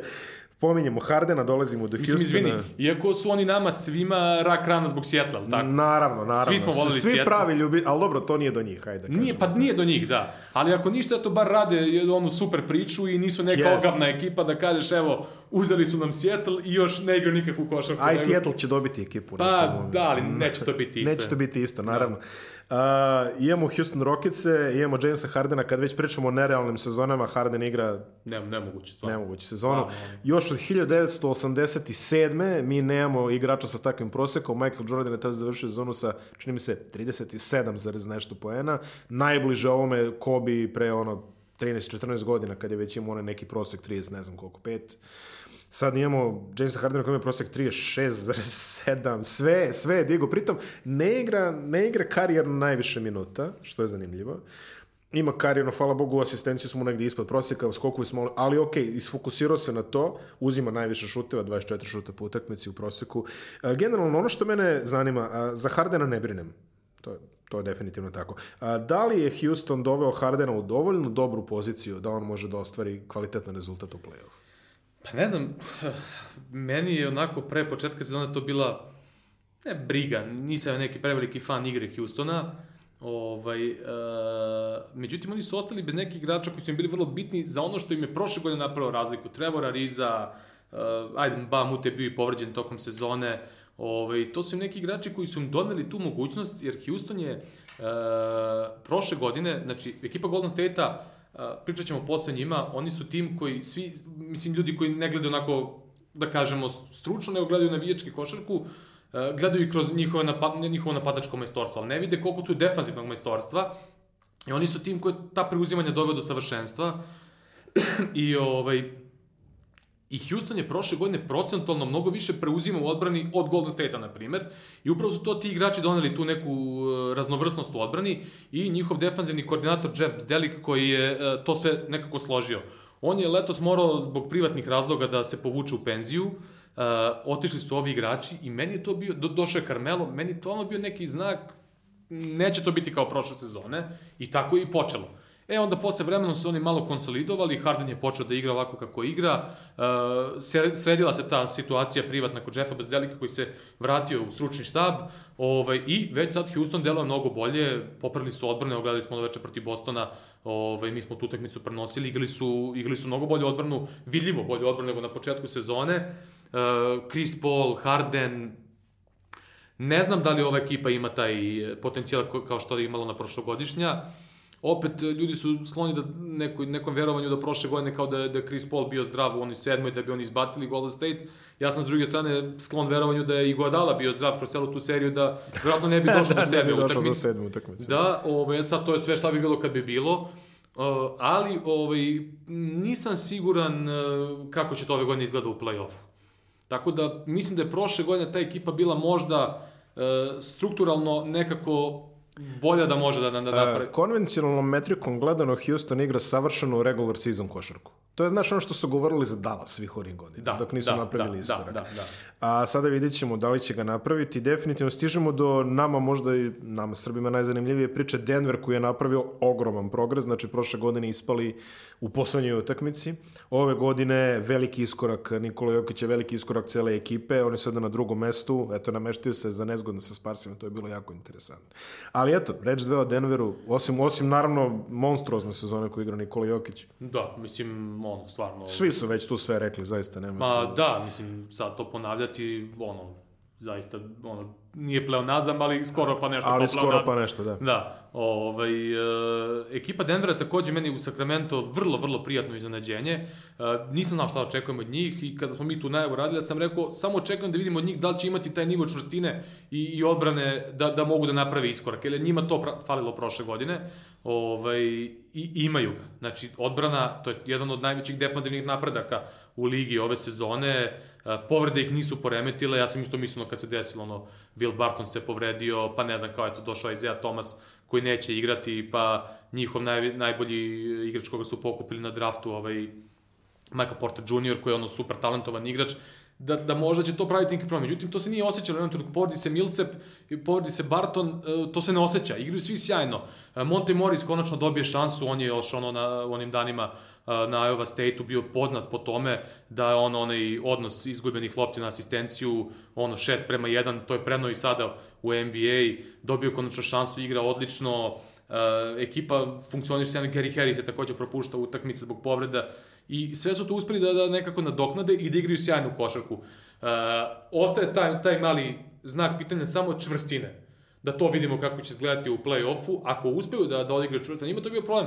Njih je Minnesota prebila u onoj odlučujućoj utakmici i tako su ih izbacili uh, iz prilike da uđu u play-off. Ako budu ove godine na to mogli da odgovore sjajno, odnosno da, da Nikola Jokić uh, bude fokusiran, da kao što su ga tada izbacili malo iz nekog ritma, ono, oni duri sa Touch Gibsonom, gde je bilo guranja, udaranja i svega ostalog, ako bude fokusiran uh, i pored toga, ovaj, uh, mislim da, da onda mogu da naprave neki, neki iskorak u play-off.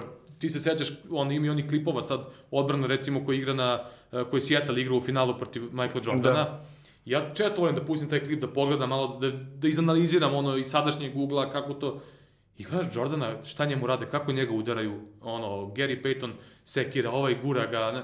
I on svaki put miran, kao da, da mu ljudi donose da popije nešto. Znači, ko, ko sebe dovede u to stanje uma da može tako, znači tu ide onaj taj ozbiljan iskorak u, u karijeri. Tako da verujem da, da, da taj iskorak možda se očekuje i kod Jokića ako uspe, uspe da se tu u tom nekom smislu ono fokusira i jer će sigurno biti on meta mnogo jačih odbrana u, play-offu. Znači on jasno je da je on glavni igrač te ekipe i da će biti meta mnogo jačih odbrana, skautinga, da će sve to prilagođavati njemu, tako da njegova fokusiranost mora da bude na, na visokom nivou za play-off. I za sam kraj, ostavili smo šampione Golden State Warriors svi znaju sve o njima. Ne moramo zaista previše da se bavimo analizom Golden State. Ajde samo da kažemo, e, šta im je slaba tačka? Pa slaba tačka ove godine e, klupa, rotacija, e, dobro, određeni problemi sa povredama koji su na neki način neminovnost, ali evo sad sve više nekako eksploatišu timovi Demarcusa Kazansa, sve više ga uvlaču u pick and roll, napadaju ga i to je Boston recimo sad radio preksinoć kad su ih ono pregazili, ovaj, e, tako da je to negde možda neka potencijalno slaba tačka, ali oni rade na tome da, da, da prošire malo rotaciju za, za play-off, potpisali su Boguta sada, vratili ga. Vratili ga. I mislim da je to dobar potpis, Bogut se nakon teške povrede u Clevelandu, ono, sećamo se kako izgledalo užasno, Igrao sjajnu sezonu u Australiji ove godine, ono, mislim da je bio i defanzivni igrač godine i MVP, ovaj, očigledno da, da, da je spreman uh, i vidjet ćemo kako će biti njegov uloga i minutaža. Međutim, ono što je ono donosio onaj kvalitet u onoj generaciji kada je bio član, uh, sjajan dodavač, sjajan, uh, sjajan defanzivac pre svega, i brani pick and roll, i zaštita obruča, ono kako amerikanci kažu, ono defensive anchor, ono, znaš, da, da, da. Sve, sve drži u odbrani, uh, oni Draymond Green su tu bili ne, neverovatni, odličan dodavač, odličan, pravi odlične blokove i kao takav je savršen. Znači, jasno je bilo Golden State je jurio dugo pokušavao Robina Lopeza da izvuče iz Čikaga tamo da on dobije onu otkupnu klauzulu, međutim Chicago to nije dozvolio. Tako da su našli neko rešenje i mislim da će njihov zadatak biti da, da, da malo samo to sve sklope, da, da pokriju Kazansa, da imaju malo veću rotaciju sa klupe i da budu zdravi. I ako to bude tako, ja mislim da su opet prvi favoriti za šampionsku titulu.